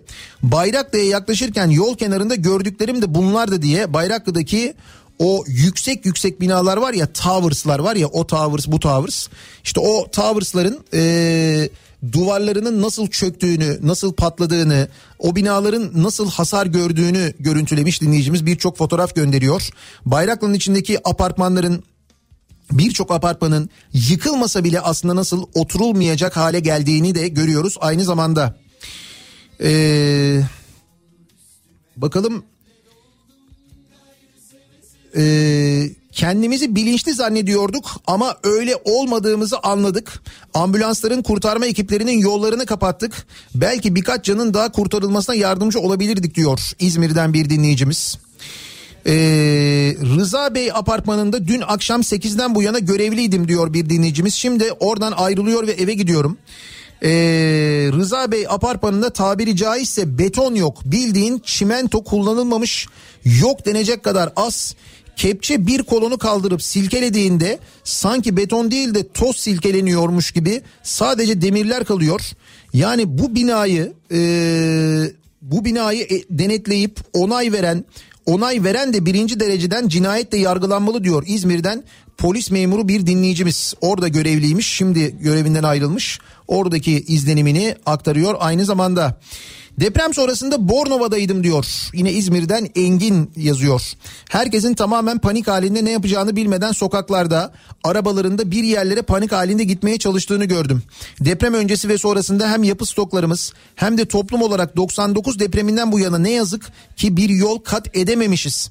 99 depremi öncesi inşa edilen binalar ciddi anlamda riskli ancak toplum olarak da depremde nasıl hareket edeceğimizi bilmememiz çok üzücü ve vahim. Ee, o gün radyodan yaptığınız yayında acil doktorunun hastaneye gitme çabasını dinlemiştim. Daha yıkıcı depremler olmaması temennimiz ama büyük depremlerde ne kadar hazırlıksız olduğumuz ortada. Maalesef gerçekten hiçbir şekilde hazır değiliz. Yani ne psikolojik olarak hazırız, ne önlem olarak hazırız, ne afet bilincimiz var. Ee, yani 99 depreminden sonra yani geçtim ben kentsel dönüşümü, bu kadar deprem vergisinin toplanmasını, işte o kadar paranın e, insan o kadar parayla bir şeyler yapılmasını falan. Ya şunu yapamamışız biz ya. Doğru düzgün bir e, afet e, eğitimi verememişiz. Yani ilkokula, ortaokula, liseye hatta üniversiteye belki zorunlu afet dersi koymak lazım ya. Depremden önce ne yapılması gerekir? Deprem nasıl hazırlanması gerekir? Deprem sonrasında ne yapmak gerekir? Yani şunun eğitimini verememişiz. Yani hepsini geçtim ben. Bu hani bunun maliyeti ne kadar olabilir ki? Ne kadar olabilir bunun maliyeti? Zorunlu afetle ilgili eğitimin maliyeti ne kadar olabilir acaba? 99 yılından bahsediyorum. Bakın üzerinden kaç sene geçmiş? Yani 21 sene geçmiş üzerinden ya 21 yıl. Yani bir bir nesil büyümüş. 99 depreminden sonra işte 2000 yılında ilkokulda olanlara ilkokulda olanlar o gün 7 yaşında 8 yaşında olanlar bugün 30 yaşındalar. Belki İzmir'de yaşıyorlar. İş güç sahibi insanlar. Bu insanlara doğru düzgün bir afet eğitimi verilmiş olsaydı deprem sonrası ne yapmaları gerektiğini biliyor olsalardı belki bu karmaşa yaşanmayacaktı ya da daha az yaşanacaktı. Ama işte biz bunu bile yapmamışız. Yani 99'dan bugüne geçtim kentsel dönüşümü onu bunu falan bunu bile yapmamışız. İzmir'den dinleyicilerimizin yazdıklarına bakıyoruz. Ee, Alsancak'ta kahvaltı yapmaya gidiyorduk. Arabayı otoparka bıraktık. 5 dakikalık yürüme mesafemiz vardı. Tam Alsancak'a geldik. Bir anda insanlar üstümüze koşmaya başladı. Çığlık çığlığa herkes. Ben de o sırada fark ettim ki yer sallanıyor. Camlar patlamaya başladı. Binalardan parçalar kopmaya başladı. Şok yaşadım ben. Tek yapabildiğim şey koşup ağlamaktı. Korkunçtu diyor. İşte işte bundan bahsediyorum ben. Bu anda ne yapmamız gerektiğiyle ilgili hiçbirimizde en ufak bir fikir yok biliyor musunuz? Yok yani. Hani ne yapmamız gerektiğini, nasıl davranmamız gerektiğini bilmiyoruz. Bunu da nasıl yapabiliriz? İşte bunu da bir eğitim e, alarak yapabiliriz. Eğitimin zorunlu olması şart. Ee, Alsancak'taydık. E, film gibiydi. Ne olduğunu anlamadık. Arabadaydım. Arkadaki arabanın şoförünün döndüğünü gördüm. Binalardan tozlar yükselmeye başladı. E, tarifi yok gerçekten o yaşanan paniğin diye yazmış mesela bir dinleyicimiz. Evlerinde dinleyen, evlerinde depreme yakalanan ve e, işte dışarıya e, kaçtıklarını anlatan dinleyicilerimizden e, yoğunlukla mesajlar geliyor bir taraftan aynı zamanda.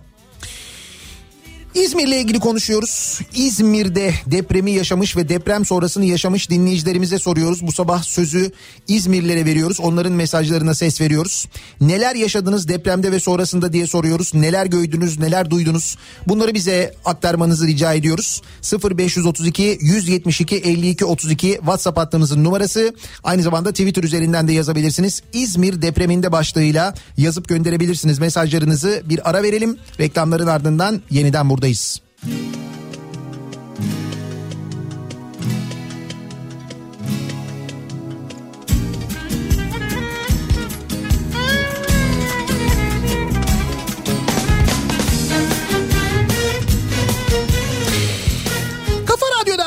Türkiye'nin en kafa radyosunda devam ediyor. Daiki'nin sunduğu Nihat'la muhabbet. Ben Nihat Sırdar'la İzmir depremiyle ilgili konuşuyoruz. İzmir depreminde bu sabahın konusu. İzmir'de bizi dinleyenlerle gelen mesajlara bakıyoruz. İzmir depreminde ve sonrasında geride bıraktığımız günlerde neler e, yaşadıklarını e, anlamaya gayret ediyoruz. E, yani çünkü gerçekten de orada olmadıkça hakikaten e, tahmin etmek, hayal etmek mümkün değil.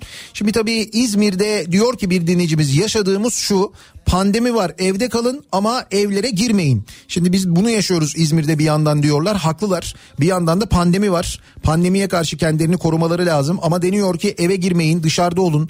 Bu durumda tabii o sosyal mesafeye ve maske kuralına çok dikkat etmek lazım. Dışarıda durun tamam ama nasıl barınılacak? Ee, çadırlar kuruldu. Çadırlarla ilgili ciddi sıkıntılar var. Bir kere tuvalet en büyük sıkıntılardan bir tanesi. Yiyecek içecek konusunda e, özellikle hem e, giden yardımlar hem de işte aktarılan e, işte belediyelerin mesela oluşturdukları noktalar yardım kuruluşlarının e, çabaları yine bir nebze yeterli oluyor. Fakat başka sıkıntılar yaşanıyor. Şimdi orada hani günler geçiyor üstelik tam da havaların soğumaya başladığı zamanlara denk geldik. Hal böyle olunca e, dışarıda yaşamak, dışarıda kalmak, açık havada kalmak gerçekten çok zor. İş yerinde çalışıyorduk diyor mesela İzmir'den bir dinleyicimiz. Çok uzun sürdü. Daha önceden deprem olursa diye planladığım hiçbir şey yapamadım. Oturup bina ne zaman yıkılacak diye bekledim. Daha önce 5.4'leri falan gördük korkmuyorduk ama 6.9 öyle böyle bir şey değildi diyor. Şimdi yaşamayınca insan anlamıyor ama e, görüntülerden yani o kaydedilen görüntülerden özellikle de evlerin içinde kaydedilen görüntülerden sarsıntının ne kadar büyük ve ne kadar e, etkileyici olduğu net bir şekilde anlaşılıyor. Alsancak'ın en işlek caddesinde kızımla oturuyordum. Bir an bir uğultu ve sallantı başladı. Binalardan taşlar düşüyor, uğultu yükseliyor. Bina içindekiler çığlık atıyorlardı. Dışarıda her şeyi görüyor ve kabusu yaşıyorduk. İçeride ise insanlar canlarını kurtarmanın derdindeydi diyor dinleyicimiz. Ee, gerçekten de çok insanı şok eden e, bir durum hakikaten. 3 yaşındaki Elif Perinçey'in az önce kurtarıldığı ile ilgili haberi tekrar edelim. Vermiştik de e, bir kez daha söyleyelim. 3 yaşındaki Elif Doğanlar apartmanından sağ olarak kurtarıldı. Yaklaşık yarım saat önce hatta yarım saat bile olmadı. Perinçek ailesinin 3 yaşındaki kızı enkazdan sağ olarak çıkarıldı. Hastaneye götürüldü.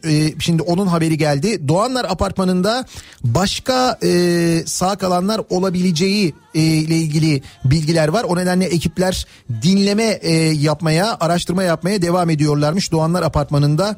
Oradan gelecek iyi haberleri artık bu iyi haberleri e, bekliyoruz. Bu haberler bizi e, mutlu ediyor gerçekten de.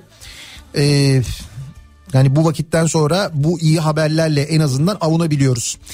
Bu arada e, hani herkesin aklındaki soru programın en başında konuştuk ya hani bu binalar e, nasıl olmuş da bu binalara izin verilmiş nasıl olmuş da bu binalara e, müsaade edilmiş denetlenmemiş diye e, bir kez daha söyleyeyim Bayraklı Belediyesi 208 binayı çürük diye bildirmiş. Nereye bildirmiş?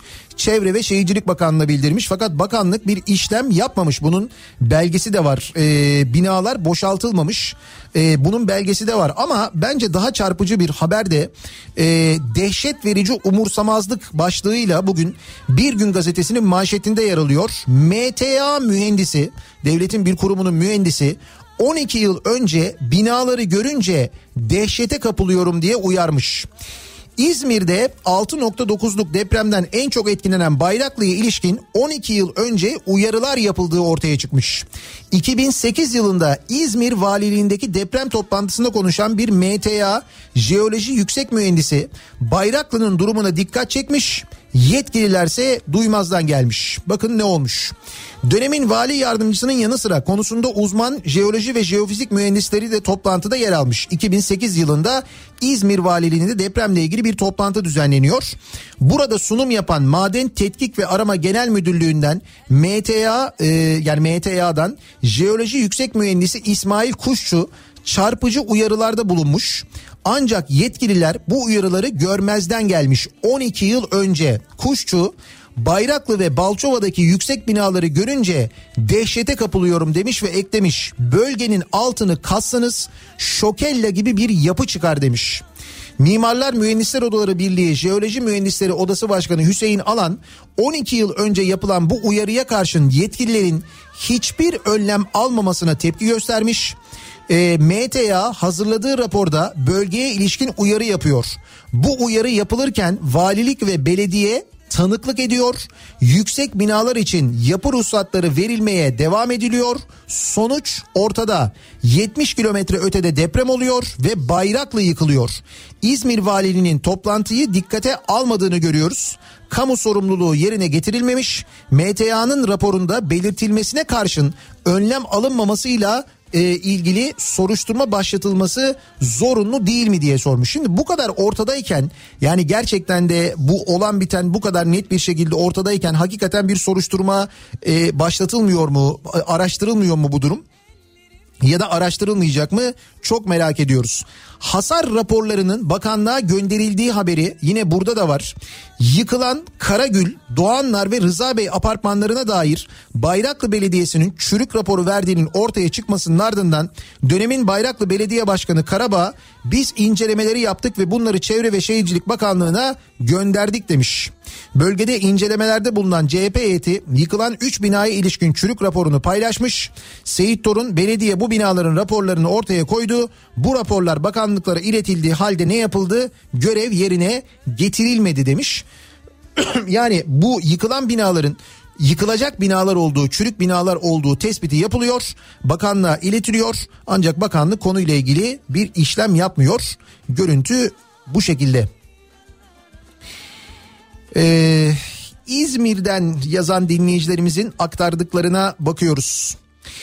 Yıkılan binaların alt katında bulunan süpermarketlerin yeterli derecede kontrol edilmemesi. Şimdi bir de bu var. Bu konuyla ilgili ee, acaba gerçekten de bu altta bir market var mı? O marketin e, kolonları kesildi mi acaba? Şimdi bu sorunun doğru yanıtını e, kimden alırız? E, İzmir Büyükşehir Belediye Başkanı'ndan alırız. Yıkılan binaların zemin katında market yapmak için kolon kesilmiş diyor. Bunu söyleyen İzmir Büyükşehir Belediye Başkanı Tunç Soyer. Depremde yıkılan binaların tamamının 99 yılından önce ruhsat almış yapılar olduğunu, yapılan gözlemlerde binaların yapımında deniz kumu kullanıldığını ve demir donatı alanlarının zayıflıkları ile ilgili tespitlerinin olduğunu aktarmış. Soyer, zemin katta kolonu market yapmak için, spor salonu yapmak için kesmişler demiş. Böyle şeyler de yapılmış aynı zamanda. Şimdi diyor ki e, bu konuyla ilgili e, peki niye o zaman belediyeler bir şey yapmıyor? Yani burada bir kolon kesildiyse eğer o zaman e, neden bu konuyla ilgili bir şey yapılmıyor? Diyor ki İzmir Büyükşehir Belediye Başkanı yapı deformasyonunda bize ihbar gelmediğinde böyle bir denetim yapma yetkimiz yok. Şimdi bunu e, aklımızın bir kenarında tutalım. Yani diyelim bir markete girdik alışveriş yapıyoruz ya da bir spor salonuna gittik spor yapıyoruz ya da bir mağazaya girdik alışveriş yapıyoruz ve binanın yapısında e, böyle bir oynama olduğunu yani orada aslında bir kolonun olması gerektiğini ama o kolonun yıkıldığını kesildiğini gördük ve anladık. Yani anladık şansa gördük fiziksel olarak da bırakılmış Ee, bir şekilde anladık. O zaman bunu belediyeye ihbar etmemiz gerekiyormuş demek ki sevgili dinleyiciler. Aklınızda olsun. Eğer böyle bir şeye şahit olursanız bir kolonun kesildiğini bir e, kolonun yıkıldığını inşaat sırasında gördünüz diyelim ki ya da bir markette ya da işte bir dükkanda fark ettiniz. Bunu belediyeye ihbar etmeniz gerekiyor. Eğer ihbar gelmezse diyor İzmir Büyükşehir Belediye Başkanı bunu diyor e, denetim e, denetleme yetkimiz yok. Diyor ki sonra sadece incelenmesini yap incelemesini yapabiliyoruz. Yıkım yetkisi almak için gerekiyorsa yasal düzenlemeyi meclise taşıyacağım. Bunu mutlaka yapacağım. Bu endişeyle bu kaygıyla yaşanmaz. Bu deprem sadece bir uyarı daha İzmir faylarıyla ilgili bir kırık söz konusu değil. Denizde bilinmeyen bir fayın kırılması sonucu ortaya çıkan bir felaket demiş. Yani biz diyor bu duyguyla yaşayamayız. Ama bize belediye olarak gereken yetkinin verilmesi lazım ki biz yıkabilelim. İşte nitekim o yıkım yetkisi mesela Bayraklı Belediyesi'nde olmadığı için o binalar yani yıkılan binalarla ilgili raporları Çevre ve Şehircilik Bakanlığı'na göndermişler ve sonra ne olmuş? Hiçbir şey olmamış işte gördüğünüz gibi. O binalar depreme kadar durmuşlar ve depremde yıkılmışlar gitmişler. Eğer belediyenin elinde böyle bir yetki olsa o zaman belediyeler belki bu binaları yıkacaklar. İzmir depreminde iş yerindeydim. Ne zaman enkaz altında kalacağız diye bekledik. 15 saniye değildi. Çok daha uzundu diyor. Bir de bu 15 saniye meselesi var. Ee, deprem 15 saniye sürdü falan deniyor ama görüntülerini izlediğimiz zaman bile sarsıntının başlaması ile bitmesi arasında geçen süre 40 saniyeden fazla. Yani o asıl büyük sarsıntının olduğu süre mi kastediliyor sadece ama netice itibariyle depremin başlangıç ve bitişi arası 15 değil. Yani 15 saniye değil. Ee, Efes Antik Tiyatrosu'nda en üst kottaydım deprem sırasında. Zemin dolgu olduğundan belki çok büyük hissettik depremi diye düşündüm. Kule vinç karşımda bir sağa bir sola yattı. Çiçek misali. Tiyatro turist doluydu. Kendimden önce turistler için endişelendim. Boşaltın tiyatroyu diye bağırmaya başladım diyor. Efes Antik Kenti'nde mesela depreme yakalanan e, bir dinleyicimiz yazmış, e, göndermiş. İzmir depreminde kentsel dönüşüm diye diye dönüşmesi gereken yerler yerine belediyeleri saf dışı bırakıp Çevre Bakanlığı'ndan onaylı rantsal dönüşen doymazların Bayraklı'da deniz kenarına diktikleri gökdelenlerden oluşan Çin setlerinin de hasarlı hale geldiğini gözümüzle gördük. İşte İzmirlilerin hep itiraz ettikleri o yüksek binalar meğer İzmir'in aslında en yapılmaması gereken yerine yapılmış. E şimdi biz e, onu anlıyoruz resmen onu görüyoruz. Gerçekten de böyle bir enteresan durum var. E, İzmir'in zemini en kötü yerine o en yüksek binalar e, yapılmış. Bunu şimdi çıkan raporlardan net bir şekilde anlıyoruz. Eee... İzmir Manavkuyu'da deprem bölgesinde evi ve bürosu olan bir insanım diyor Emrah. Rıza Bey apartmanı büromun tam karşısında ve gözümün önünde yıkıldı. Travmayı halen atlatabilmiş değilim. İlk defa böyle bir sert sarsıntı gördüm. Rıza Bey apartmanı depremin ortasında yıkıldı. Yıkıldıktan sonra bir süre daha deprem devam etti. 4 yaşındaki oğlum evdeydi bakıcısıyla aklım ondaydı. Evimiz kuş uçuşu 700 metre mesafede. Giderken başka enkazlar da gördüm. Komşularımız, meslektaşlarımız enkazda kaldı e, şunu söyleyeyim depremden sonra yürüyün. Ben de hata ettim araba kullanarak arabaya hemen atlayarak o kadar kısa mesafede bile yürüsünler lütfen diyor. Yani yürüyerek gitseydim çok daha çabuk giderdim ama arabayla gittim ben de gidemedim diyor dinleyicimiz. İşte o panikte diyorum ya ne yapmamız gerektiğini tam olarak bilmiyoruz. Alışveriş merkezleri deprem anında alışveriş merkezindeydim. Ee, AVM personeliyim toplanma merkezine vesaire gitme olmadı. Çünkü alışveriş merkezleri de ne yapacağını bilmiyor. Çünkü bir tatbikat ya da hiçbir şey yapılmıyor. Bunları öğrenmemiz lazım demiş. Şimdi alışveriş merkezlerinde yaşanan kaostan bahsediliyor. Bu arada hasar gören alışveriş merkezlerine e, o alışveriş merkezlerindeki dükkanların çalışanlarının gelmesi isteniyor. Hasar gören binalara girmeleri isteniyor. Doğal olarak insanlar korkuyorlar. Bakın bununla ilgili hala bir e, düzenleme yapılmış değil ya da ne olacağı ile ilgili kimse bir şey bilmiyor. E, Bayraklı'da yaşayanlardan mesajlar geliyor. Böyle bir felaket e, görmedik diye. Ee, az önce bahsettiğiniz ihbar mekanizması ile ilgili bence böyle bir durumu fark etmeyi beklemeden bütün marketleri ihbar edelim. Denetlensin çıksın ortaya. Kolon kesilmiş mi kesilmemiş mi diye. Madem belediyelerin e, ihbara ihtiyacı var ihbar edelim o, o zaman gelsinler kontrol etsinler demiş bir dinleyicimiz. Bak bu da bir fikir. Eğer belediyelere bu yetki verilmezse belki de böyle yapmak lazım. Eee Bayraklı'da depreme yakalanan ve e, gerçekten de böyle hani yolda yürüyemeyen sarsıntıdan dolayı dinleyicilerimiz var. Onlardan gelen mesajlar var. Yıkımların olduğu Manavkuyu birkaç sene öncesine kadar Bornova'ya bağlıydı. Ancak seçim bölgesinde avantaj sağlanması için bir gecede Bayraklı'ya bağlandı. Buralar eskiden verimli tarım alanlarının olduğu arazilerdi. Çünkü iki tane dere geçiyor e, Bayraklı'dan. Sonradan üstü kapatılan Bayraklı e, de- dereler bunlar.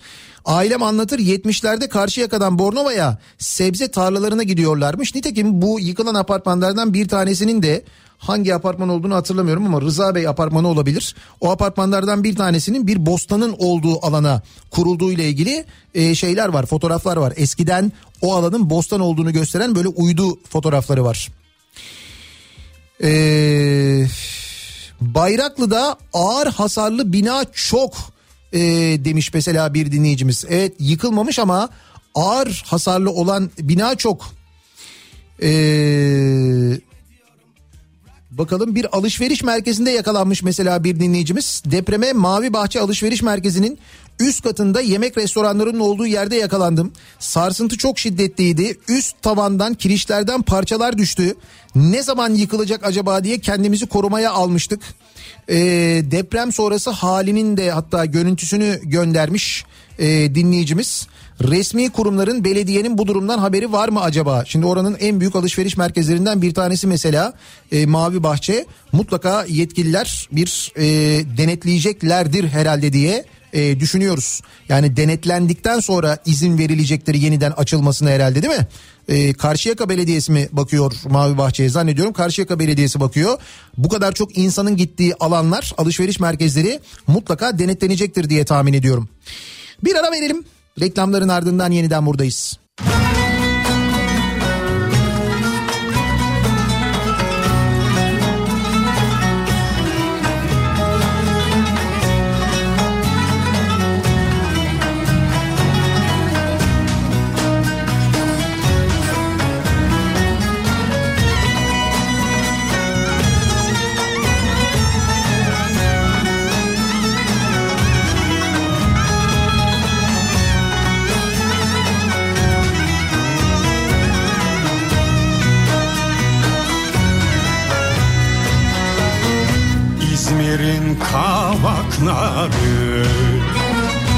Dökülür yaprakları.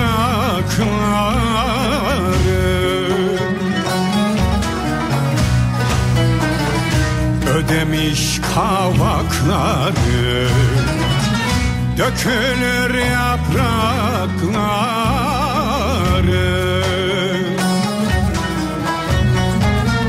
Bize de derler çakırca Yar fidan boylum Yakarız konakları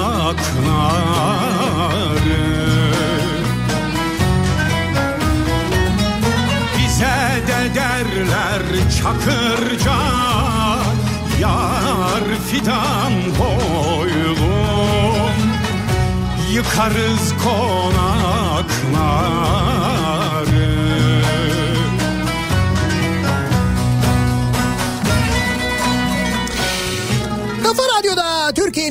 en kafa radyosunda devam ediyor. Daha 2'nin sonunda Nihat'la muhabbet. Ben Nihat Sırdar'la 2 Kasım pazartesi gününün sabahındayız. 9'a yaklaşıyor saat. Bir mucizeyle başladık e, güne. Dünü de bir mucizeyle kapatmıştık aslında. İzmir'de 65 saat sonra gelen bir mucize. Elif Perinçek 3 yaşında e, Elif e, sağ kurtarıldı Doğanlar Apartmanı'ndan az önce bundan yaklaşık yarım saat kadar önce depremin üzerinden 65 saat geçtikten sonra umudun hala var olduğunu gördük. Hala çalışmalar devam ediyor. Birçok binada e, devam eden çalışmalar var. Kimi binalarda artık hani sağ bulunabilecek birisi olmasından ümit kesilmiş vaziyette ama işte bazı binalarda bu umut devam ediyor. Nitekim Doğanlar Apartmanı'nda da şu anda dinleme çalışmalarının devam ettiğini öğreniyoruz. Dua ediyoruz. E, belki canlı birileri daha bulunabilir diye ümit ediyoruz en azından o umudumuzu kaybetmiyoruz. Birçok e, kötü manzara gördük, birçok kötü hareket gördük. Gerçekten depremin hemen sonrasında o bakanın enkaz üzerinde verdiği görüntüyü mü istersiniz? Daha böyle neler neler gördük ya da işte insanlar can derdine düşmüşken yine böyle televizyon kanallarının, siyasi partilerin kongre görüntülerini vermesini mi istersiniz? Biz böyle gözümüz kulağımız televizyonda o apartmandan gelebilecek işte bir enkazdan gelebilecek bir haberi beklerken ekranın birden ikiye bölünmesi yine bildik siyasi konuşmaların yapılması hiçbir şey olmamış gibi orada hayatın devam ediyor oluşunu görmemiz. Bunlar mı dersiniz? Daha birçok şey canımızı yaktı elbette ve yakmaya devam ediyor ama biz umudumuzu kaybetmiyoruz, kaybetmeyeceğiz. Aklımız, fikrimiz, gönlümüz İzmir'de. Birazdan Kripto Odası programı başlayacak. Güçlü Mete'nin konukları var. Profesör Doktor Okan Tüysüz konuk olacak Kripto Odası'nda. Ee, aynı zamanda e, Akut 2. Başkanı Meriç Kalamanoğlu Şahin de yine Kripto Odası'nda. Birazdan Güçlü Mete'nin konuğu. Tekrar görüşünceye dek hoşçakalın.